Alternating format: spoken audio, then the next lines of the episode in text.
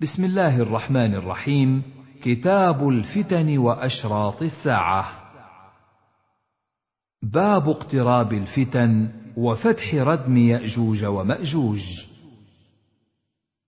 حدثنا عمرو الناقد حدثنا سفيان بن عيينة عن الزهري عن عروة عن زينب بنت أم سلمة عن أم حبيبة عن زينب بنت جحش أن النبي صلى الله عليه وسلم استيقظ من نومه وهو يقول لا إله إلا الله ويل للعرب من شر قد اقترب فتح اليوم من ردم يأجوج ومأجوج مثل هذه وعقد سفيان بيده عشرة. قلت يا رسول الله أنهلك وفينا الصالحون؟ قال نعم إذا كثر الخبث. حدثنا أبو بكر بن أبي شيبة وسعيد بن عمرو الأشعثي وزهير بن حرب وابن أبي عمر. قالوا حدثنا سفيان عن الزهري بهذا الإسناد وزادوا في الإسناد عن سفيان فقالوا عن زينب بنت أم سلمة عن حبيبة عن أم حبيبة عن زينب بنت جحش.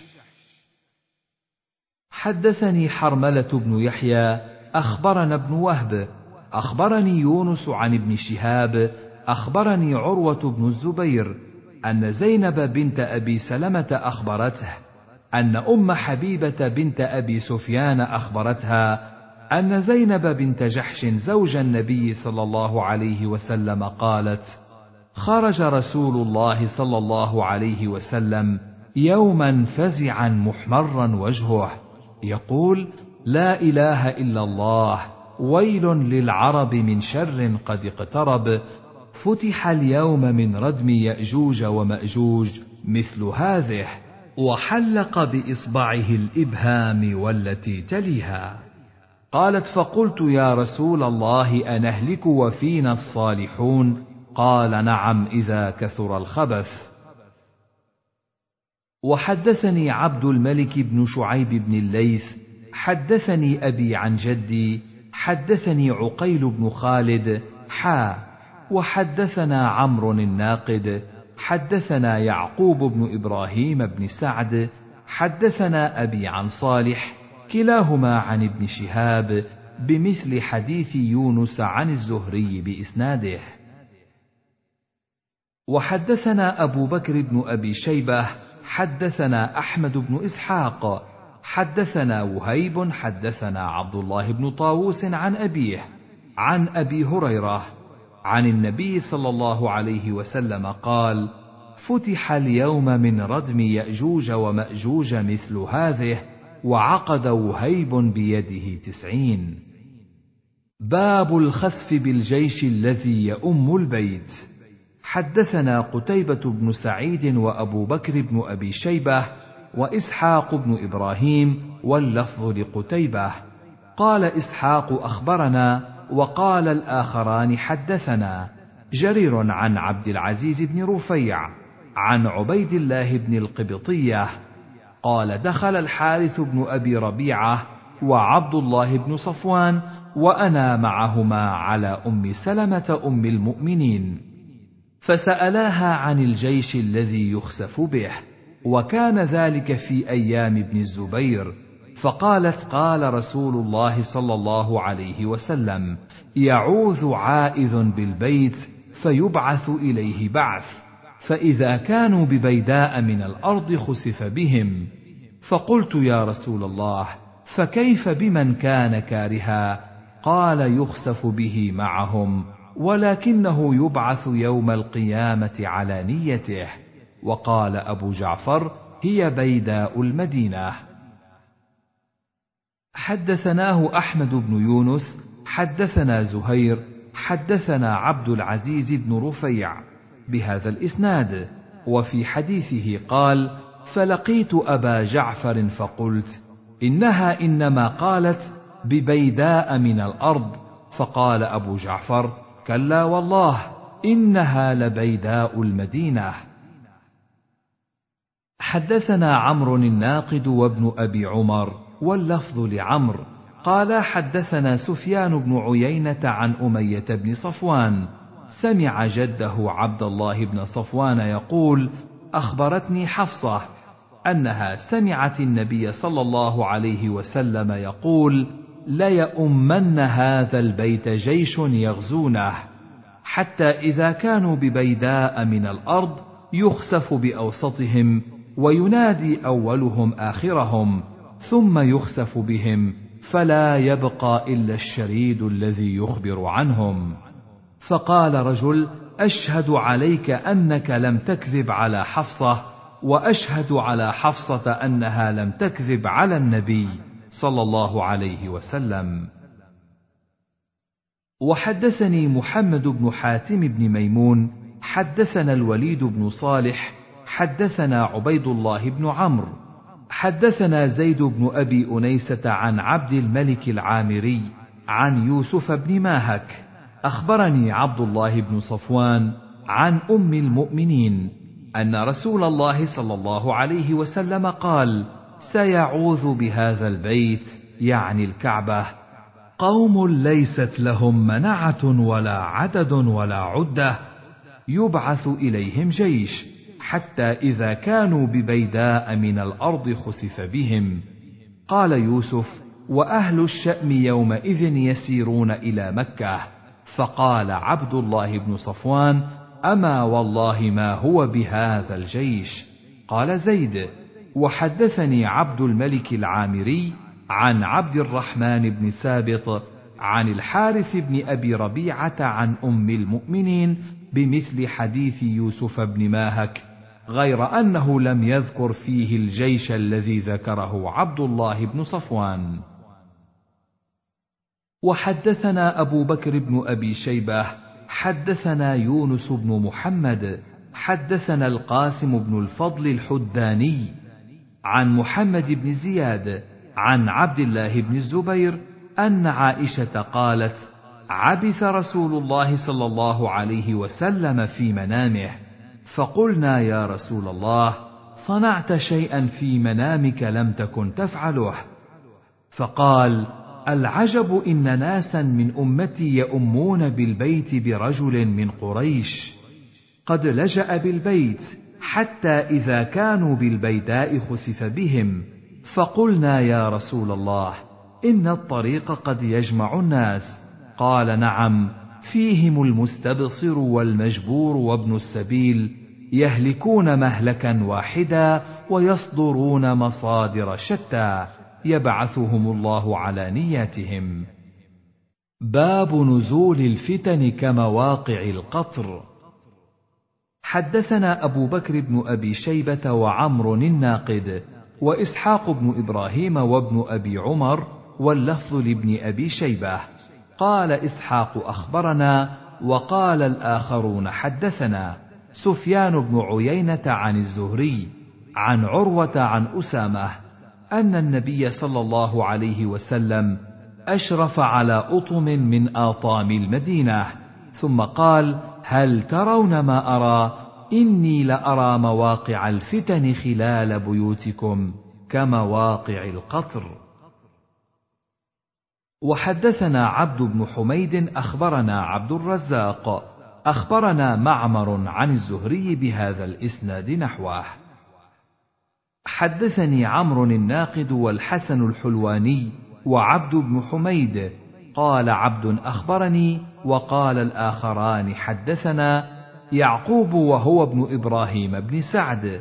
حدثنا أبي عن صالح عن ابن شهاب حدثني ابن المسيب وأبو سلمة بن عبد الرحمن أن أبا هريرة قال قال رسول الله صلى الله عليه وسلم ستكون فتن القاعد فيها خير من القائم والقائم فيها خير من الماشي والماشي فيها خير من الساعي من تشرف لها تستشرفه ومن وجد فيها ملجأ فليعذ به.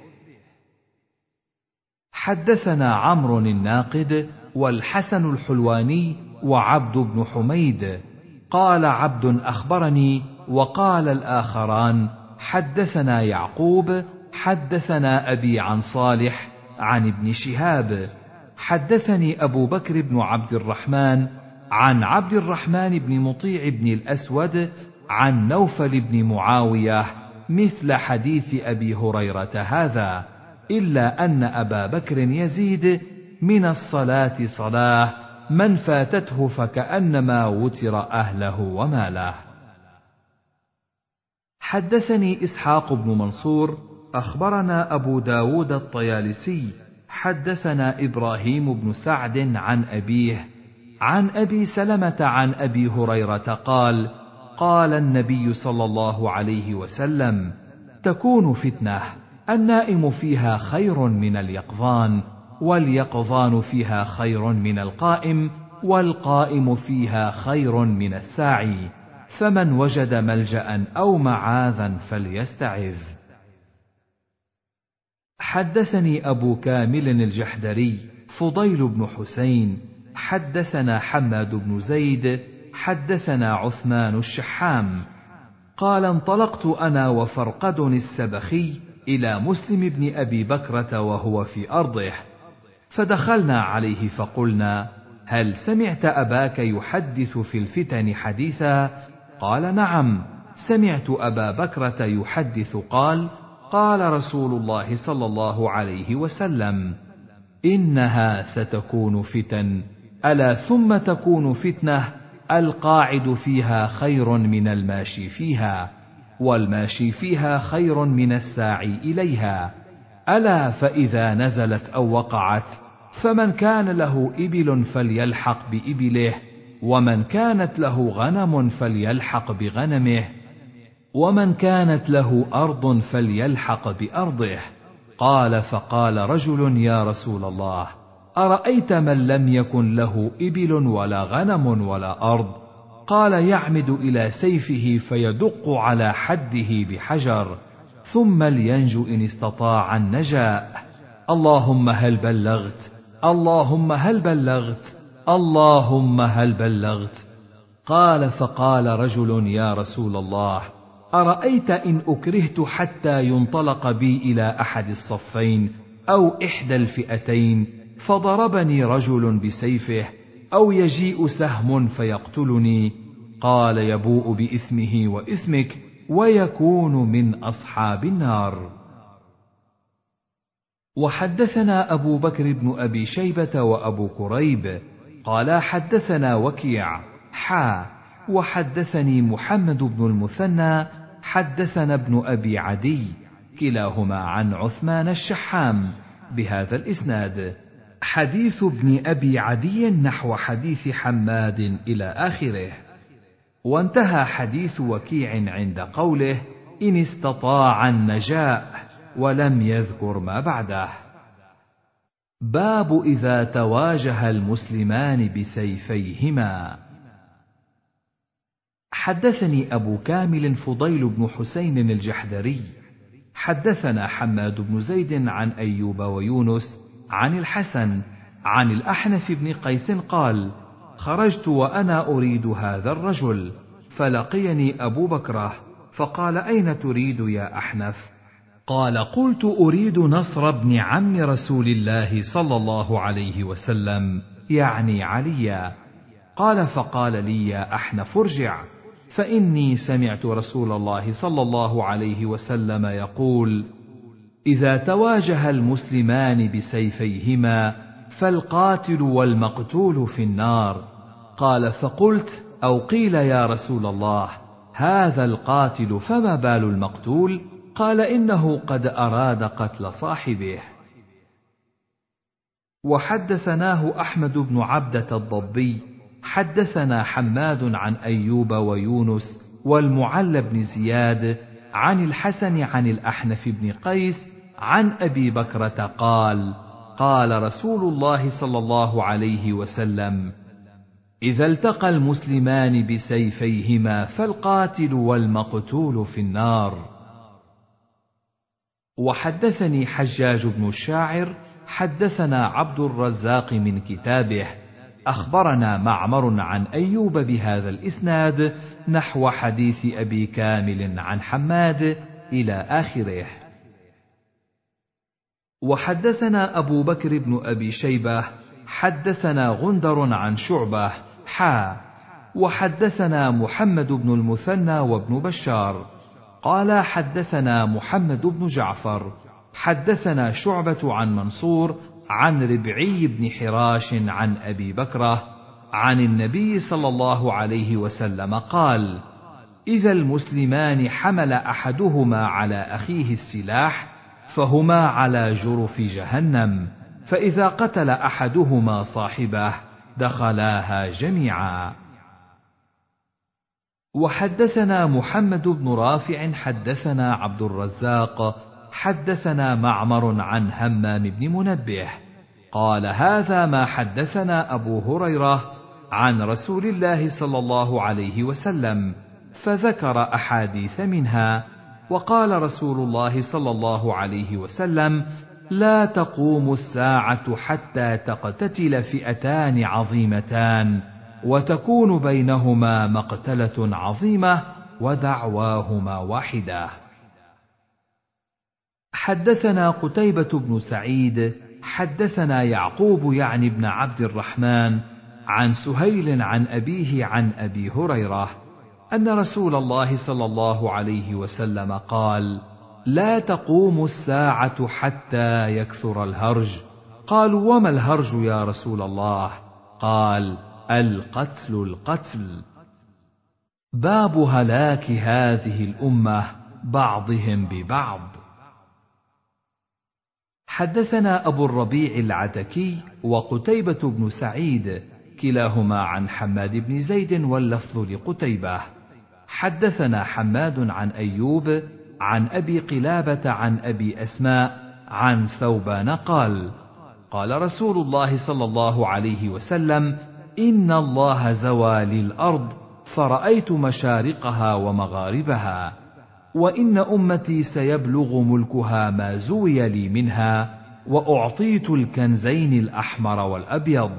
وإني سألت ربي لأمتي ألا يهلكها بسنة عامة وألا يسلط عليهم عدوا من سوى أنفسهم فيستبيح بيضتهم.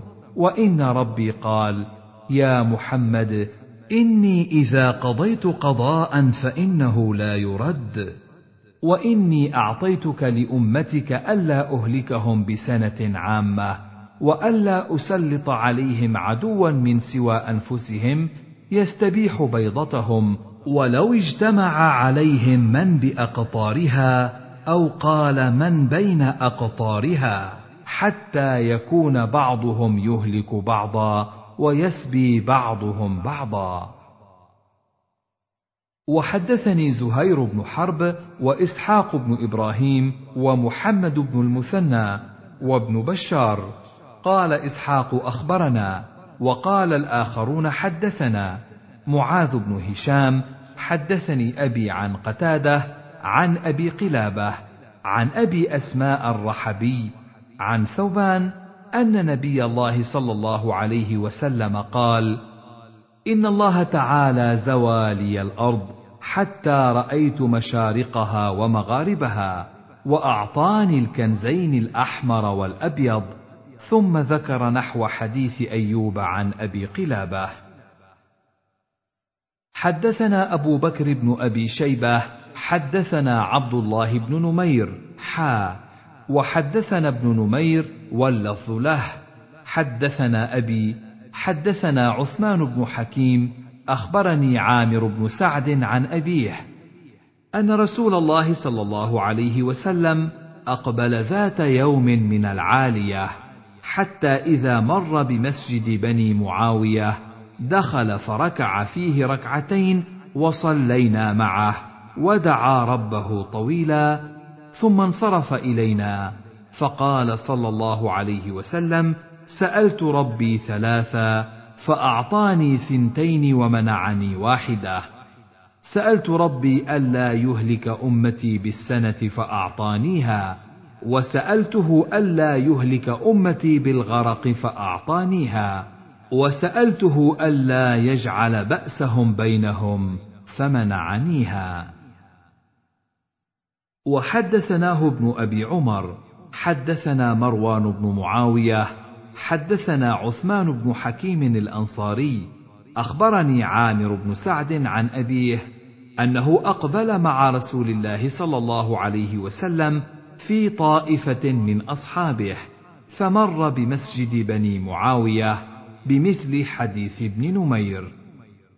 باب إخبار النبي صلى الله عليه وسلم فيما يكون إلى قيام الساعة. حدثني حرملة بن يحيى التجيبي أخبرنا ابن وهب أخبرني يونس عن ابن شهاب أن أبا إدريس الخولاني كان يقول قال حذيفة بن اليمان والله إني لأعلم الناس بكل فتنة هي كائنة فيما بيني وبين الساعة وما بي إلا أن يكون رسول الله صلى الله عليه وسلم أسر إلي في ذلك شيئا لم يحدثه غيري. ولكن رسول الله صلى الله عليه وسلم قال وهو يحدث مجلسا أنا فيه عن الفتن. فقال رسول الله صلى الله عليه وسلم وهو يعد الفتن. منهن ثلاث لا يكدن يذرن شيئا ومنهن فتن كرياح الصيف منها صغار ومنها كبار. قال حذيفة فذهب أولئك الرهط كلهم غيري. وحدثنا عثمان بن أبي شيبة وإسحاق بن إبراهيم. قال عثمان حدثنا وقال إسحاق أخبرنا. جرير عن الأعمش عن شقيق عن حذيفة قال قام فينا رسول الله صلى الله عليه وسلم مقاما ما ترك شيئا يكون في مقامه ذلك إلى قيام الساعة إلا حدث به. حفظه من حفظه ونسيه من نسيه. قد علمه أصحابي هؤلاء وإنه ليكون منه الشيء قد نسيته فأراه فأذكره. كما يذكر الرجل وجه الرجل إذا غاب عنه ثم إذا رآه عرفه وحدثناه أبو بكر بن أبي شيبة حدثنا وكيع عن سفيان عن الأعمش بهذا الإسناد إلى قوله ونسيه من نسيه ولم يذكر ما بعده وحدثنا محمد بن بشار حدثنا محمد بن جعفر حدثنا شعبة حا. وحدثني أبو بكر بن نافع حدثنا غندر حدثنا شعبة عن عدي بن ثابت عن عبد الله بن يزيد عن حذيفة أنه قال أخبرني رسول الله صلى الله عليه وسلم بما هو كائن إلى أن تقوم الساعة فما منه شيء إلا قد سألته إلا أني لم أسأله ما يخرج أهل المدينة من المدينة. حدثنا محمد بن المثنى حدثني وهب بن جرير أخبرنا شعبة بهذا الإسناد نحوه. وحدثني يعقوب بن إبراهيم الدورقي وحجاج بن الشاعر جميعا عن أبي عاصم. قال حجاج حدثنا أبو عاصم أخبرنا عزره بن ثابت أخبرنا علباء بن أحمر.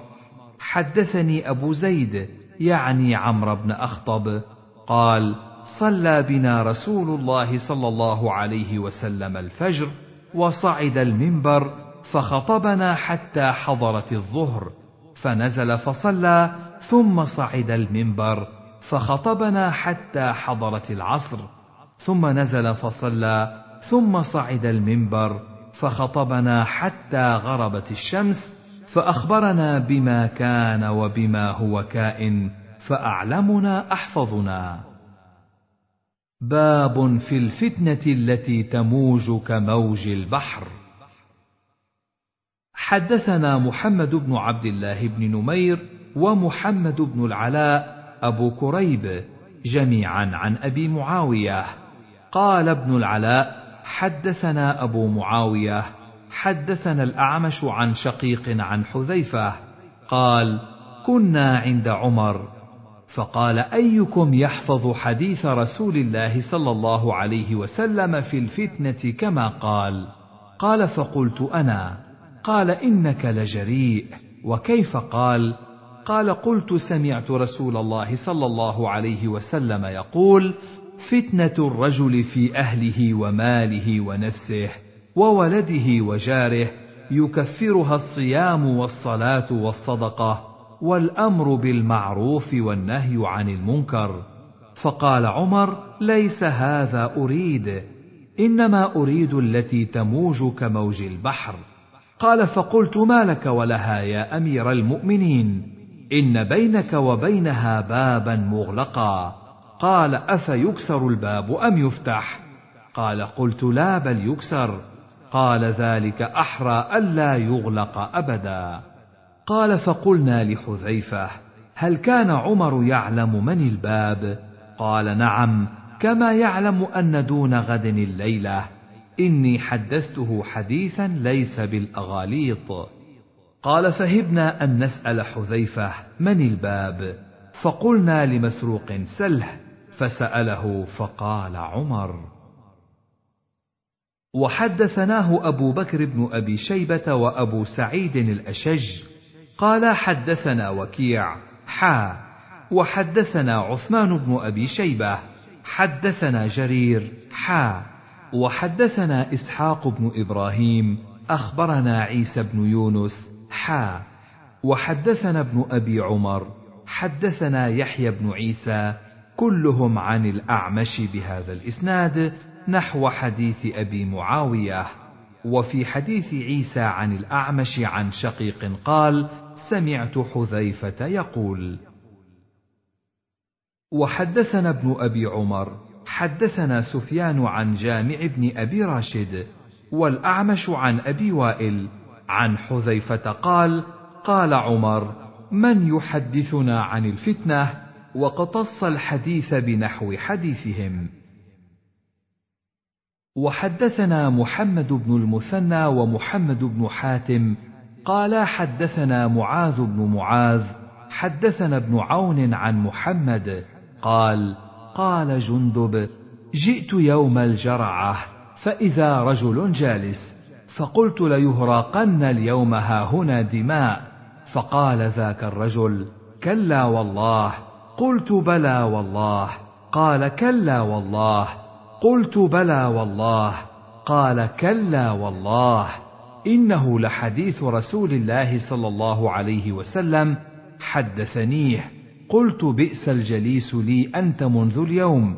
تسمعني أخالفك. وقد سمعته من رسول الله صلى الله عليه وسلم.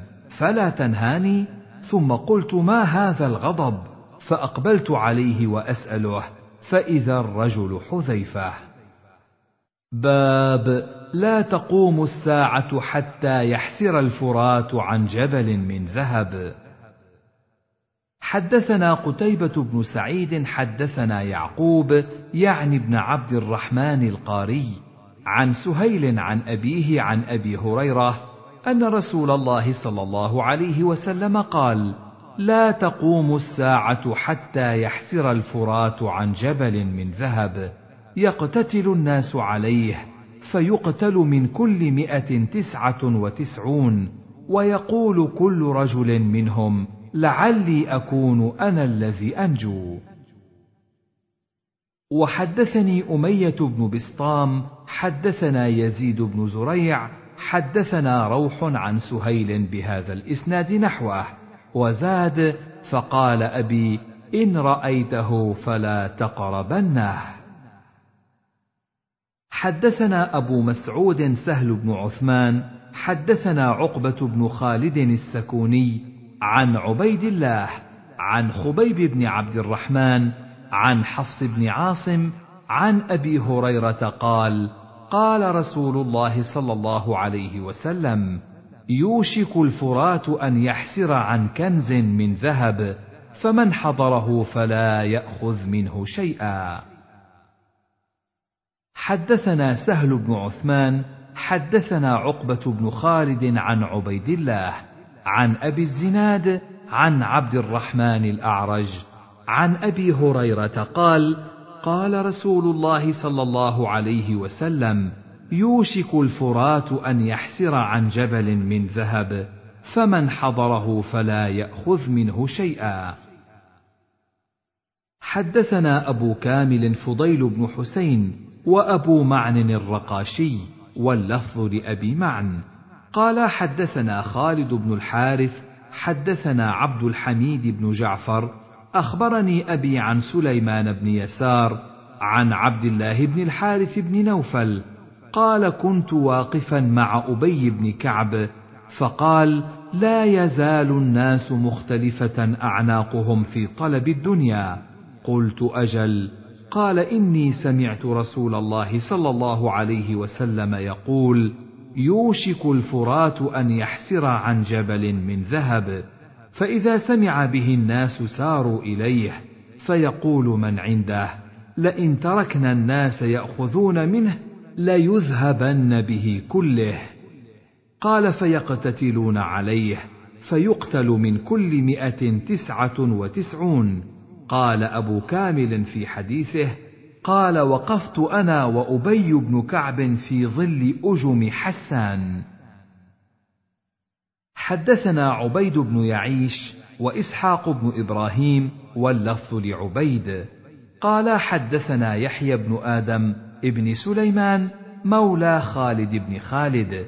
حدثنا زهير عن سهيل بن أبي صالح عن أبيه عن أبي هريرة قال قال رسول الله صلى الله عليه وسلم منعت العراق درهمها وقفيزها ومنعت الشأم مديها ودينارها ومنعت مصر إردبها ودينارها وعدتم من حيث بدأتم وعدتم من حيث بدأتم وعدتم من حيث بدأتم شهد على ذلك لحم أبي هريرة ودمه. باب في فتح قسطنطينية وخروج الدجال ونزول عيسى بن مريم. حدثني زهير بن حرب حدثنا معل بن منصور حدثنا سليمان بن بلال. حدثنا سهيل عن أبيه عن أبي هريرة أن رسول الله صلى الله عليه وسلم قال لا تقوم الساعة حتى ينزل الروم بالأعماق أو بدابق فيخرج إليهم جيش من المدينة من خيار أهل الأرض يومئذ. فإذا تصافوا قالت الروم خلوا بيننا وبين الذين سبوا منا نقاتلهم. فيقول المسلمون لا والله لا نخلي بينكم وبين إخواننا فيقاتلونهم فينهزم ثلث لا يتوب الله عليهم أبدا ويقتل ثلثهم أفضل الشهداء عند الله ويفتتح الثلث لا يفتنون أبدا فيفتتحون قسطنطينيه فبينما هم يقتسمون الغنائم قد علقوا سيوفهم بالزيتون إذ صاح فيهم الشيطان ان المسيح قد خلفكم في اهليكم فيخرجون وذلك باطل. فاذا جاءوا الشام خرج فبينما هم يعدون للقتال يسوون الصفوف اذ اقيمت الصلاه. فينزل عيسى ابن مريم صلى الله عليه وسلم فامهم فاذا راه عدو الله ذاب كما يذوب الملح في الماء. فلو تركه لانذاب حتى يهلك ولكن يقتله الله بيده فيريهم دمه في حربته. باب تقوم الساعة والروم أكثر الناس. حدثنا عبد الملك بن شعيب بن الليث حدثني عبد الله بن وهب أخبرني الليث بن سعد حدثني موسى بن علي عن أبيه. قال قال المستورد القرشي عند عمرو بن العاص سمعت رسول الله صلى الله عليه وسلم يقول تقوم الساعة والروم أكثر الناس. فقال له عمرو أبصر ما تقول. قال أقول ما سمعت من رسول الله صلى الله عليه وسلم. قال لئن قلت ذلك إن فيهم لخصالا اربعا إنهم لأحلم الناس عند فتنة وأسرعهم إفاقة بعد مصيبة وأوشكهم كرة بعد فرة وخيرهم لمسكين ويتيم وضعيف وخامسة حسنة جميلة وأمنعهم من ظلم الملوك. حدثني حرملة بن يحيى التجيبي حدثنا عبد الله بن وهب حدثني أبو شريح أن عبد الكريم بن الحارث حدثه أن المستورد القرشي قال سمعت رسول الله صلى الله عليه وسلم يقول تقوم الساعة والروم أكثر الناس. قال فبلغ ذلك عمرو بن العاص فقال ما هذه الأحاديث التي تذكر عنك أنك تقولها عن رسول الله صلى الله عليه وسلم؟ فقال له المستورد قلت الذي سمعت من رسول الله صلى الله عليه وسلم قال فقال عمرو لئن قلت ذلك إنهم لأحلم الناس عند فتنة وأجبر الناس عند مصيبة وخير الناس لمساكينهم وضعفائهم. باب إقبال الروم في كثرة القتل عند خروج الدجال. حدثنا أبو بكر بن أبي شيبة وعلي بن حجر كلاهما عن ابن علية واللفظ لابن حجر.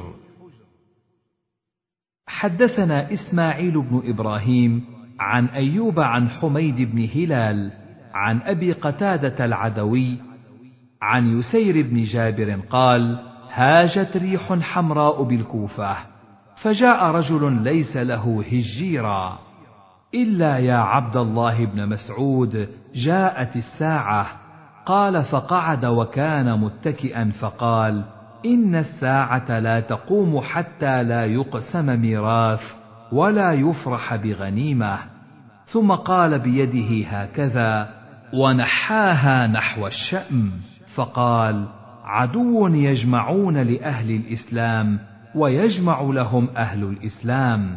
قلت الروم تعني قال نعم وتكون عند ذاكم القتال ردة شديدة فيشترط المسلمون شرطة للموت لا ترجع إلا غالبة فيقتتلون حتى يحجز بينهم الليل فيفيء هؤلاء وهؤلاء كل غير غالب وتفنى الشرطة.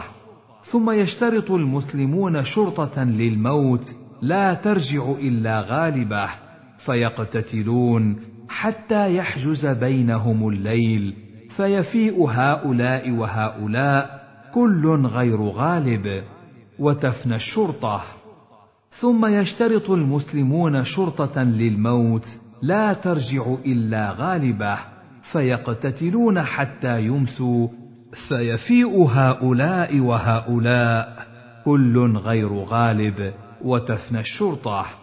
فإذا كان يوم الرابع نهد إليهم بقية أهل الإسلام فيجعل الله الدبرة عليهم فيقتلون مقتله إما قال لا يرى مثلها وإما قال لم ير مثلها حتى إن الطائر ليمر بجنباتهم فما يخلفهم حتى يخر ميتا. فيتعاد بنو الأب كانوا مئة. فلا يجدونه بقي منهم إلا الرجل الواحد فبأي غنيمة يفرح أو أي ميراث يقاسم فبينما هم كذلك إذ سمعوا ببأس هو أكبر من ذلك فجاءهم الصريخ إن الدجال قد خلفهم في ذراريهم فيرفضون ما في أيديهم ويقبلون فيبعثون عشرة فوارس طليعة.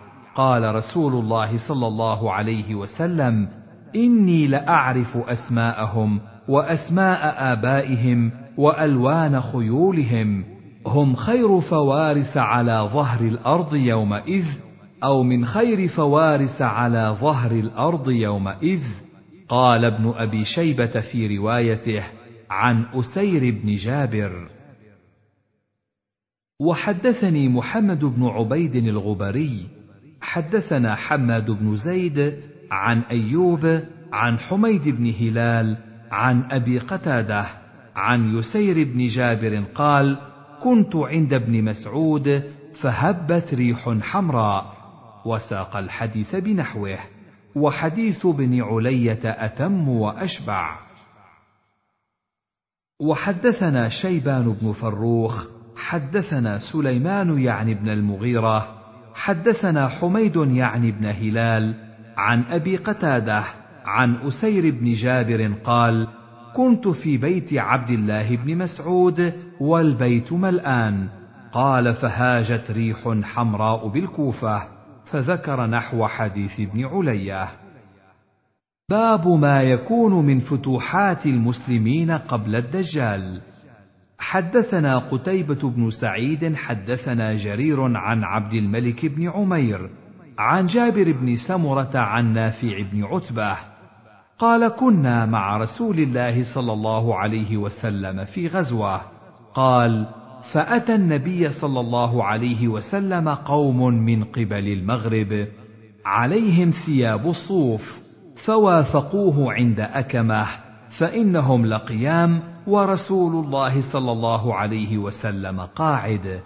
قال فقالت لي نفسي ائتهم فقم بينهم وبينه لا يغتالونه. قال ثم قلت لعله نجي معهم.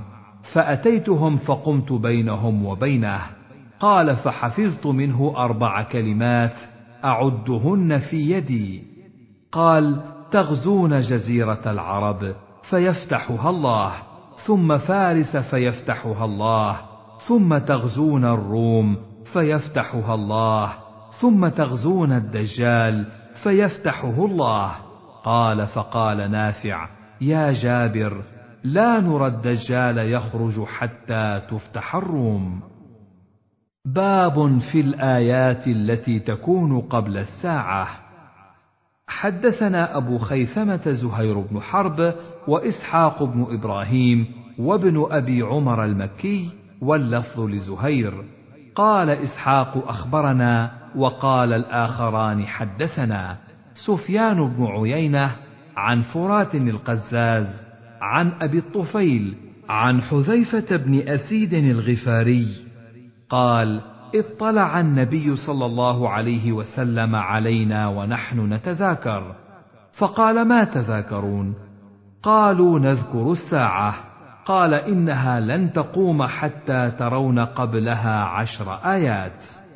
فذكر الدخان والدجال والدابة وطلوع الشمس من مغربها ونزول عيسى بن مريم صلى الله عليه وسلم ويأجوج ومأجوج وثلاثة خسوف خسف بالمشرق وخسف بالمغرب وخسف بجزيرة العرب وآخر ذلك نار تخرج من اليمن تطرد الناس إلى محشرهم.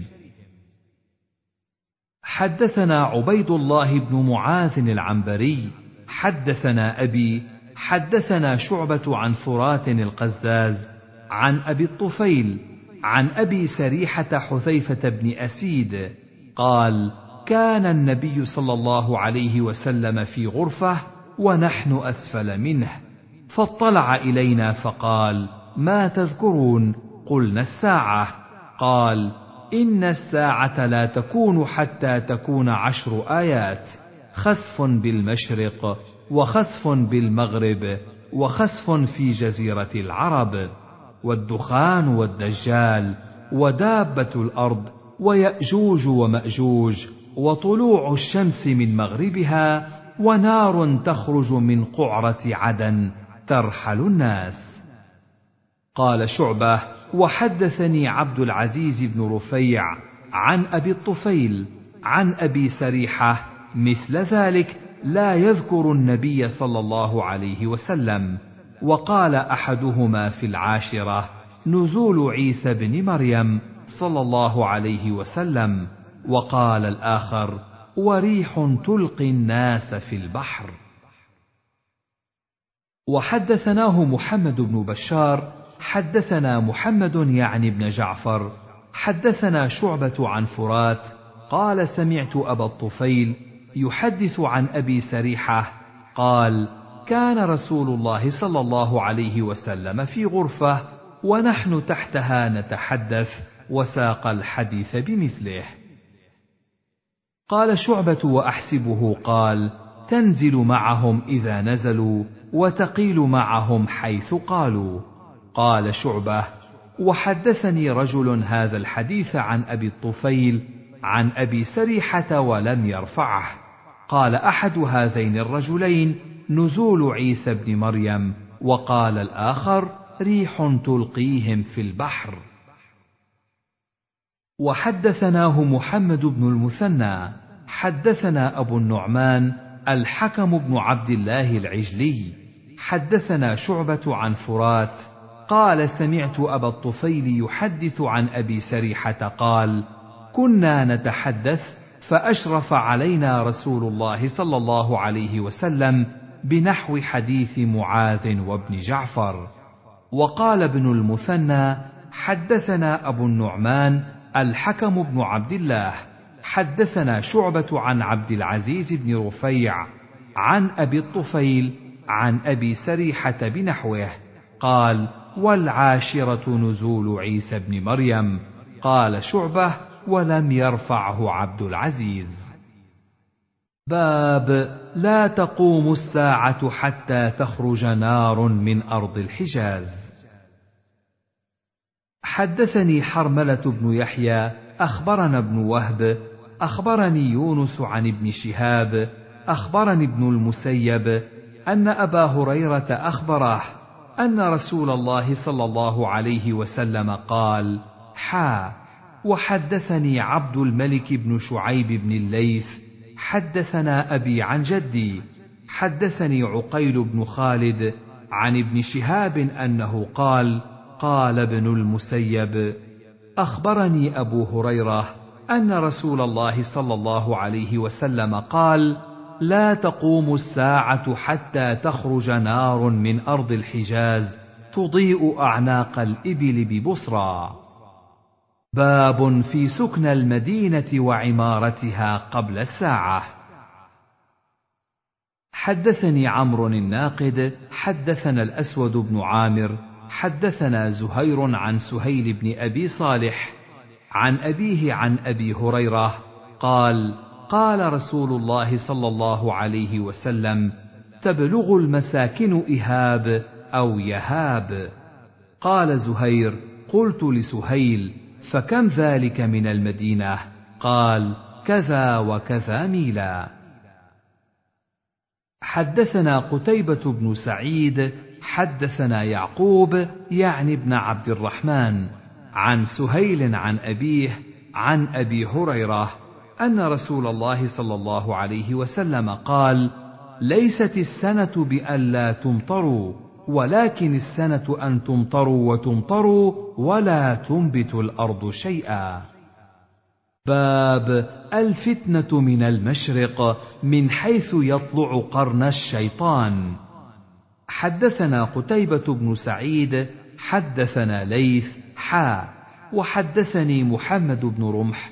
أخبرنا الليث عن نافع عن ابن عمر أنه سمع رسول الله صلى الله عليه وسلم وهو مستقبل المشرق يقول ألا إن الفتنة هاهنا ألا إن الفتنة هاهنا من حيث يطلع قرن الشيطان. وحدثني عبيد الله بن عمر القواريري ومحمد بن المثنى حا. وحدثنا عبيد الله بن سعيد كلهم عن يحيى القطان. قال القواريري حدثني يحيى بن سعيد عن عبيد الله بن عمر. حدثني نافع عن ابن عمر أن رسول الله صلى الله عليه وسلم قام عند باب حفصة فقال بيده نحو المشرق الفتنة هاهنا من حيث يطلع قرن الشيطان قالها مرتين أو ثلاثا. وقال عبيد الله بن سعيد في روايته قام رسول الله صلى الله عليه وسلم عند باب عائشة. وحدثني حرملة بن يحيى أخبرنا ابن وهب أخبرني يونس عن ابن شهاب عن سالم بن عبد الله عن أبيه أن رسول الله صلى الله عليه وسلم قال وهو مستقبل المشرق ها إن الفتنة ها هنا. ها إن الفتنة ها هنا ها إن الفتنة ها هنا من حيث يطلع قرن الشيطان. حدثنا أبو بكر بن أبي شيبة حدثنا وكيع عن عكرمة بن عمار عن سالم عن ابن عمر قال خرج رسول الله صلى الله عليه وسلم من بيت عائشة فقال رأس الكفر منها هنا من حيث يطلع قرن الشيطان يعني المشرق. وحدثنا ابن نمير حدثنا إسحاق يعني ابن سليمان أخبرنا حنظلة قال سمعت سالما يقول سمعت ابن عمر يقول سمعت رسول الله صلى الله عليه وسلم يشير بيده نحو المشرق ويقول ها إن الفتنة ها هنا. ها إن الفتنة ها هنا ثلاثا حيث يطلع قرنا الشيطان. حدثنا عبد الله بن عمر بن أبان وواصل بن عبد الأعلى وأحمد بن عمر الوكيعي واللفظ لابن أبان. قالوا حدثنا ابن فضيل عن أبيه قال سمعت سالم بن عبد الله بن عمر يقول يا أهل العراق ما أسألكم عن الصغيرة وأركبكم للكبيرة. سمعت أبي عبد الله بن عمر يقول سمعت رسول الله صلى الله عليه وسلم يقول إن الفتنة تجيء من ها هنا وأومأ بيده نحو المشرق من حيث يطلع قرن الشيطان وأنتم يضرب بعضكم رقاب بعض. وإنما قتل موسى الذي قتل من آل فرعون خطأ فقال الله عز وجل له وقتلت نفسا فنجيناك من الغم وفتناك فتونا. قال أحمد بن عمر في روايته عن سالم لم يقل سمعت. باب لا تقوم الساعة حتى تعبد دوس ذا الخلصة. حدثني محمد بن رافع وعبد بن حميد قال عبد أخبرنا وقال ابن رافع حدثنا عبد الرزاق. أخبرنا معمر عن الزهري عن ابن المسيب عن أبي هريرة قال قال رسول الله صلى الله عليه وسلم لا تقوم الساعة حتى تضطرب أليات نساء دوس حول ذي الخلصة. وكانت صنما تعبدها دوس في الجاهلية بتبالة. حدثنا أبو كامل الجحدري وأبو معن زيد بن يزيد الرقاشي واللفظ لأبي معن. قال حدثنا خالد بن الحارث حدثنا عبد الحميد بن جعفر عن الأسود بن العلاء عن أبي سلمة عن عائشة قالت سمعت رسول الله صلى الله عليه وسلم يقول لا يذهب الليل والنهار حتى تعبد اللات والعزى. فقلت يا رسول الله إن كنت لأظن حين أنزل الله هو الذي أرسل رسوله بالهدى ودين الحق ليظهره على الدين كله ولو كره المشركون أن ذلك تاما. قال إنه سيكون من ذلك ما شاء الله. ثم يبعث الله ريحا طيبة فتوفى كل من في قلبه مثقال حبة خردل من إيمان فيبقى من لا خير فيه فيرجعون إلى دين آبائهم. وحدثناه محمد بن المثنى حدثنا أبو بكر وهو الحنفي. حدثنا عبد الحميد بن جعفر بهذا الإسناد نحوه. باب لا تقوم الساعة حتى يمر الرجل بقبر الرجل فيتمنى أن يكون مكان الميت من البلاء. حدثنا قتيبة بن سعيد عن مالك بن أنس فيما قرئ عليه عن أبي الزناد عن الأعرج عن أبي هريرة أن رسول الله صلى الله عليه وسلم قال لا تقوم الساعة حتى يمر الرجل بقبر الرجل فيقول يا ليتني مكانه. حدثنا عبد الله بن عمر بن محمد بن أبان بن صالح ومحمد بن يزيد الرفاعي واللفظ لابن أبان.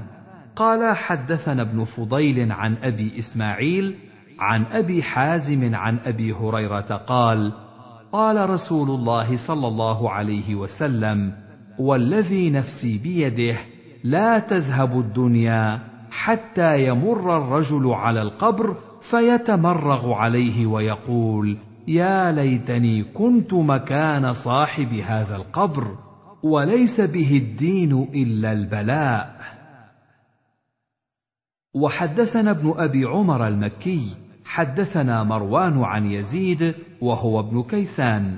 عن أبي حازم عن أبي هريرة قال قال النبي صلى الله عليه وسلم والذي نفسي بيده ليأتين على الناس زمان لا يدري القاتل في أي شيء قتل ولا يدري المقتول على أي شيء قتل. وحدثنا عبد الله بن عمر بن أبان وواصل بن عبد الأعلى قالا حدثنا محمد بن فضيل عن أبي إسماعيل الأسلمي عن أبي حازم عن أبي هريرة قال قال رسول الله صلى الله عليه وسلم والذي نفسي بيده لا تذهب الدنيا حتى يأتي على الناس يوم. لا يدري القاتل فيما قتل ولا المقتول فيما قتل. فقيل كيف يكون ذلك؟ قال الهرج القاتل والمقتول في النار. وفي رواية ابن أبان قال هو يزيد بن كيسان عن أبي إسماعيل ولم يذكر الأسلمي. حدثنا أبو بكر بن أبي شيبة وابن أبي عمر واللفظ لأبي بكر. قال حدثنا سفيان بن عيينة عن زياد بن سعد عن الزهري عن سعيد. سمع أبا هريرة يقول عن النبي صلى الله عليه وسلم يخرب الكعبة ذو السويقتين من الحبشة. وحدثني حرملة بن يحيى أخبرنا ابن وهب أخبرني يونس عن ابن شهاب عن ابن المسيب عن أبي هريرة قال قال رسول الله صلى الله عليه وسلم يخرب الكعبة ذو السويقتين من الحبشة. حدثنا قتيبة بن سعيد حدثنا عبد العزيز يعني الدراوردي عن ثور بن زيد عن أبي الغيث عن أبي هريرة أن رسول الله صلى الله عليه وسلم قال ذو السويقتين من الحبشة. يخرب بيت الله عز وجل وحدثنا قتيبة بن سعيد أخبرنا عبد العزيز يعني ابن محمد عن ثور بن زيد عن أبي الغيث عن أبي هريرة أن رسول الله صلى الله عليه وسلم قال: لا تقوم الساعة حتى يخرج رجل من قحطان يسوق الناس بعصاه. حدثنا محمد بن بشار العبدي حدثنا عبد الكبير بن عبد المجيد أبو بكر الحنفي حدثنا عبد الحميد بن جعفر قال سمعت عمر بن الحكم يحدث عن أبي هريرة عن النبي صلى الله عليه وسلم قال لا تذهب الأيام والليالي حتى يملك رجل يقال له الجهجاه. قال مسلم هم أربعة إخوة شريك وعبيد الله وعمير وعبد الكبير بنو عبد المجيد. حدثنا أبو بكر بن أبي شيبة وابن أبي عمر واللفظ لابن أبي عمر. قال حدثنا سفيان عن الزهري عن سعيد عن أبي هريرة أن النبي صلى الله عليه وسلم قال لا تقوم الساعة حتى تقاتلوا قوما كأن وجوههم المجان المطرقة. ولا تقوم الساعة حتى تقاتلوا قوما نعالهم الشعر. وحدثني حرملة بن يحيى أخبرنا ابن وهب أخبرني يونس عن ابن شهاب أخبرني سعيد بن المسيب أن أبا هريرة قال قال رسول الله صلى الله عليه وسلم لا تقوم الساعة حتى تقاتلكم أمة ينتعلون الشعر. وجوههم مثل المجان المطرقة. وحدثنا أبو بكر بن أبي شيبة حدثنا سفيان بن عيينة عن أبي الزناد عن الأعرج عن أبي هريرة يبلغ به النبي صلى الله عليه وسلم قال لا تقوم الساعة حتى تقاتلوا قوما نعالهم الشعر ولا تقوم الساعة حتى تقاتلوا قوما صغار الأعين. ذلف الانف حدثنا قتيبة بن سعيد حدثنا يعقوب يعني بن عبد الرحمن عن سهيل عن أبيه عن أبي هريرة أن رسول الله صلى الله عليه وسلم قال لا تقوم الساعة حتى يقاتل المسلمون الترك. قوما وجوههم كالمجان المطرقة يلبسون الشعر ويمشون في الشعر. حدثنا أبو كريب حدثنا وكيع وأبو أسامة عن إسماعيل بن أبي خالد عن قيس بن أبي حازم عن أبي هريرة قال قال رسول الله صلى الله عليه وسلم تقاتلون بين يدي الساعة قوما نعالهم الشعر كأن وجوههم المجان المطرقة حمر الوجوه صغار الأعين. حدثنا زهير بن حرب وعلي بن حجر واللفظ لزهير. قال حدثنا إسماعيل بن إبراهيم عن الجريري عن أبي نضرة قال كنا عند جابر بن عبد الله فقال يوشك أهل العراق ألا يجبى إليهم قفيز ولا درهم. قلنا من أين ذاك؟ قال من قبل العجم يمنعون ذاك. ثم قال يوشك أهل الشأم ألا يجبى إليهم دينار ولا مدي. قلنا من أين ذاك؟ قال من قبل الروم. ثم أسكت هنيه. ثم قال قال رسول الله صلى الله عليه وسلم يكون في آخر أمتي خليفة. يحثي المال حثيا لا يعده عددا. قال قلت لأبي نضرة وأبي العلاء أتريان أنه عمر بن عبد العزيز؟ فقالا لا. وحدثنا ابن المثنى حدثنا عبد الوهاب حدثنا سعيد يعني الجريري بهذا الإسناد نحوه. حدثنا نصر بن علي الجهضمي حدثنا بشر يعني ابن المفضل حا وحدثنا علي بن حجر السعدي حدثنا إسماعيل يعني بن علية كلاهما عن سعيد بن يزيد عن أبي نضرة عن أبي سعيد قال قال رسول الله صلى الله عليه وسلم من خلفائكم خليفة يحث المال حثيا لا يعده عددا. وفي رواية ابن حجر يحثي المال. وحدثني زهير بن حرب حدثنا عبد الصمد بن عبد الوارث حدثنا أبي حدثنا داود عن أبي نضرة عن أبي سعيد وجابر بن عبد الله قالا قال رسول الله صلى الله عليه وسلم يكون في آخر الزمان خليفة يقسم المال ولا يعده. وحدثنا أبو بكر بن أبي شيبة حدثنا أبو معاوية عن داود بن أبي هند عن أبي نضرة عن أبي سعيد عن النبي صلى الله عليه وسلم بمثله. حدثنا محمد بن المثنى وابن بشار واللفظ لابن المثنى. قال حدثنا محمد بن جعفر حدثنا شعبة عن أبي مسلمة.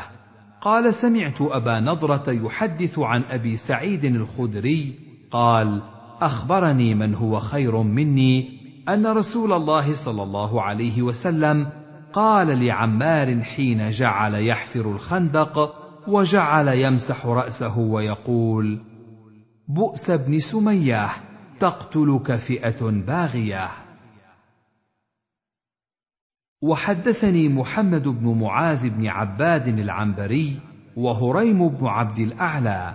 قال حدثنا خالد بن الحارث حا وحدثنا إسحاق بن إبراهيم وإسحاق بن منصور ومحمود بن غيلان ومحمد بن قدامة.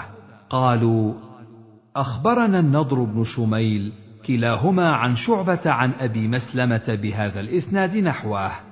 غير أن في حديث النضر أخبرني من هو خير مني أبو قتادة.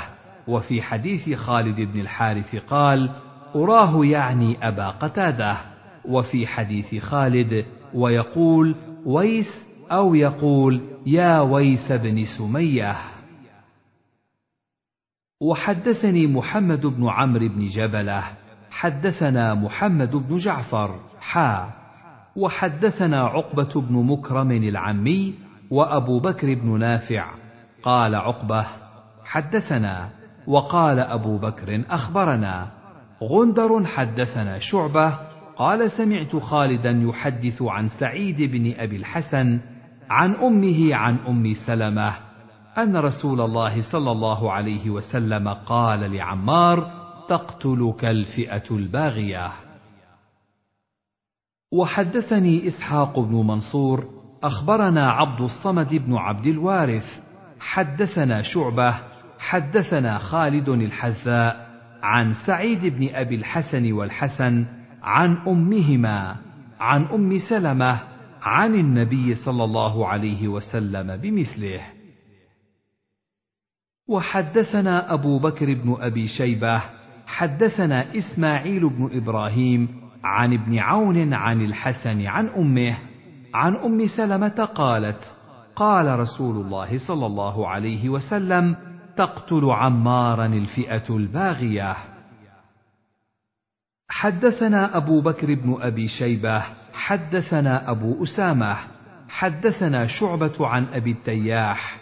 قال سمعت أبا زرعة عن أبي هريرة عن النبي صلى الله عليه وسلم قال يهلك أمتي هذا الحي من قريش. قالوا فما تأمرنا؟ قال لو أن الناس اعتزلوهم. وحدثنا أحمد بن إبراهيم الدورقي وأحمد بن عثمان النوفلي. قال حدثنا أبو داود حدثنا شعبة في هذا الإسناد في معناه. حدثنا عمرو الناقد وابن أبي عمر واللفظ لابن أبي عمر. قال حدثنا سفيان عن الزهري عن سعيد بن المسيب عن أبي هريرة قال قال رسول الله صلى الله عليه وسلم قد مات كسرى فلا كسرى بعده وإذا هلك قيصر فلا قيصر بعده والذي نفسي بيده لتنفقن كنوزهما في سبيل الله. وحدثني حرملة بن يحيى أخبرنا ابن وهب أخبرني يونس حا. وحدثني ابن رافع وعبد بن حميد عن عبد الرزاق. أخبرنا معمر كلاهما عن الزهري بإسناد سفيان ومعنى حديثه. حدثنا محمد بن رافع حدثنا عبد الرزاق حدثنا معمر عن همام بن منبه. قال هذا ما حدثنا أبو هريرة عن رسول الله صلى الله عليه وسلم فذكر أحاديث منها. وقال رسول الله صلى الله عليه وسلم هلك كسرى ثم لا يكون كسرى بعده وقيصر ليهلكن ثم لا يكون قيصر بعده. ولتقسمن كنوزهما في سبيل الله حدثنا قتيبة بن سعيد حدثنا جرير عن عبد الملك بن عمير عن جابر بن سمرة قال: قال رسول الله صلى الله عليه وسلم: إذا هلك كسرى فلا كسرى بعده، فذكر بمثل حديث أبي هريرة سواء. حدثنا قتيبة بن سعيد وأبو كامل الجحدري قالا حدثنا أبو عوانة عن سماك بن حرب عن جابر بن سمرة قال سمعت رسول الله صلى الله عليه وسلم يقول لتفتحن عصابة من المسلمين أو من المؤمنين كنز آل كسرى الذي في الأبيض. قال قتيبة من المسلمين ولم يشك. حدثنا محمد بن المثنى وابن بشار. قال حدثنا محمد بن جعفر. حدثنا شعبة عن سماك بن حرب قال: سمعت جابر بن سمرة قال: سمعت رسول الله صلى الله عليه وسلم بمعنى حديث أبي عوانة. حدثنا قتيبة بن سعيد حدثنا عبد العزيز يعني ابن محمد عن ثور وهو ابن زيد الديلي عن أبي الغيث عن أبي هريرة أن النبي صلى الله عليه وسلم قال سمعتم بمدينة جانب منها في البر وجانب منها في البحر؟ قالوا نعم يا رسول الله. قال لا تقوم الساعة حتى يغزوها سبعون الفا من بني إسحاق فإذا جاءوها نزلوا فلم يقاتلوا بسلاح ولم يرموا بسهم. قالوا لا إله إلا الله والله أكبر فيسقط أحد جانبيها. قال ثور لا أعلمه إلا قال الذي في البحر. ثم يقول الثانية لا إله إلا الله والله أكبر فيسقط جانبها الآخر. ثم يقول الثالثة لا إله إلا الله والله أكبر فيفرج لهم فيدخلوها فيغنموا فبينما هم يقتسمون المغانم إذ جاءهم الصريخ فقال إن الدجال قد خرج فيتركون كل شيء ويرجعون. حدثني محمد بن مرزوق حدثنا بشر بن عمر الزهراني حدثني سليمان بن بلال حدثنا ثور بن زيد الديلي في هذا الإسناد بمثله. حدثنا أبو بكر بن أبي شيبة حدثنا محمد بن بشر حدثنا عبيد الله عن نافع عن ابن عمر عن النبي صلى الله عليه وسلم قال لتقاتلن اليهود فلتقتلنهم حتى يقول الحجر يا مسلم هذا يهودي فتعال فاقتله. وحدثناه محمد بن المثنى وعبيد الله بن سعيد. قال حدثنا يحيى عن عبيد الله بهذا الإسناد وقال في حديثه هذا يهودي ورائي. حدثنا أبو بكر بن أبي شيبة حدثنا أبو أسامة. أخبرني عمر بن حمزة قال سمعت سالما يقول أخبرنا عبد الله بن عمر أن رسول الله صلى الله عليه وسلم قال تقتتلون أنتم ويهود حتى يقول الحجر يا مسلم هذا يهودي ورائي تعال فاقتله. حدثنا حرملة بن يحيى أخبرنا ابن وهب أخبرني يونس عن ابن شهاب حدثني سالم بن عبد الله أن عبد الله بن عمر أخبره أن رسول الله صلى الله عليه وسلم قال تقاتلكم اليهود فتسلطون عليهم حتى يقول الحجر يا مسلم هذا يهودي ورائي فاقتله. حدثنا قتيبة بن سعيد حدثنا يعقوب يعني ابن عبد الرحمن عن سهيل عن أبيه عن أبي هريرة أن رسول الله صلى الله عليه وسلم قال: لا تقوم الساعة حتى يقاتل المسلمون اليهود فيقتلهم المسلمون حتى يختبئ اليهودي من وراء الحجر والشجر فيقول الحجر أو الشجر يا مسلم يا عبد الله هذا يهودي خلفي فتعال فاقتله إلا الغرقد فإنه من شجر اليهود. حدثنا يحيى بن يحيى وأبو بكر بن أبي شيبة. قال يحيى أخبرنا وقال أبو بكر حدثنا أبو الأحوص حا. وحدثنا أبو كامل الجحدري. حدثنا أبو عوانة كلاهما عن سماك عن جابر بن سمرة قال سمعت رسول الله صلى الله عليه وسلم يقول إن بين يدي الساعة كذابين. وزاد في حديث أبي الأحوص قال فقلت له أنت سمعت هذا من رسول الله صلى الله عليه وسلم؟ قال نعم. وحدثني ابن المثنى وابن بشار قال حدثنا محمد بن جعفر حدثنا شعبة عن سماك بهذا الإسناد مثله. قال سماك وسمعت أخي يقول قال جابر فاحذروهم. حدثني زهير بن حرب وإسحاق بن منصور. قال إسحاق أخبرنا وقال زهير حدثنا. عبد الرحمن وهو ابن مهدي عن مالك عن أبي الزناد عن الأعرج عن أبي هريرة عن النبي صلى الله عليه وسلم قال لا تقوم الساعة حتى يبعث دجالون كذابون قريب من ثلاثين كلهم يزعم أنه رسول الله. حدثنا محمد بن رافع حدثنا عبد الرزاق أخبرنا معمر عن همام بن منبه عن أبي هريرة عن النبي صلى الله عليه وسلم بمثله غير أنه قال ينبعث. باب ذكر ابن صياد. حدثنا عثمان بن أبي شيبة وإسحاق بن إبراهيم واللفظ لعثمان. قال إسحاق أخبرنا وقال عثمان حدثنا.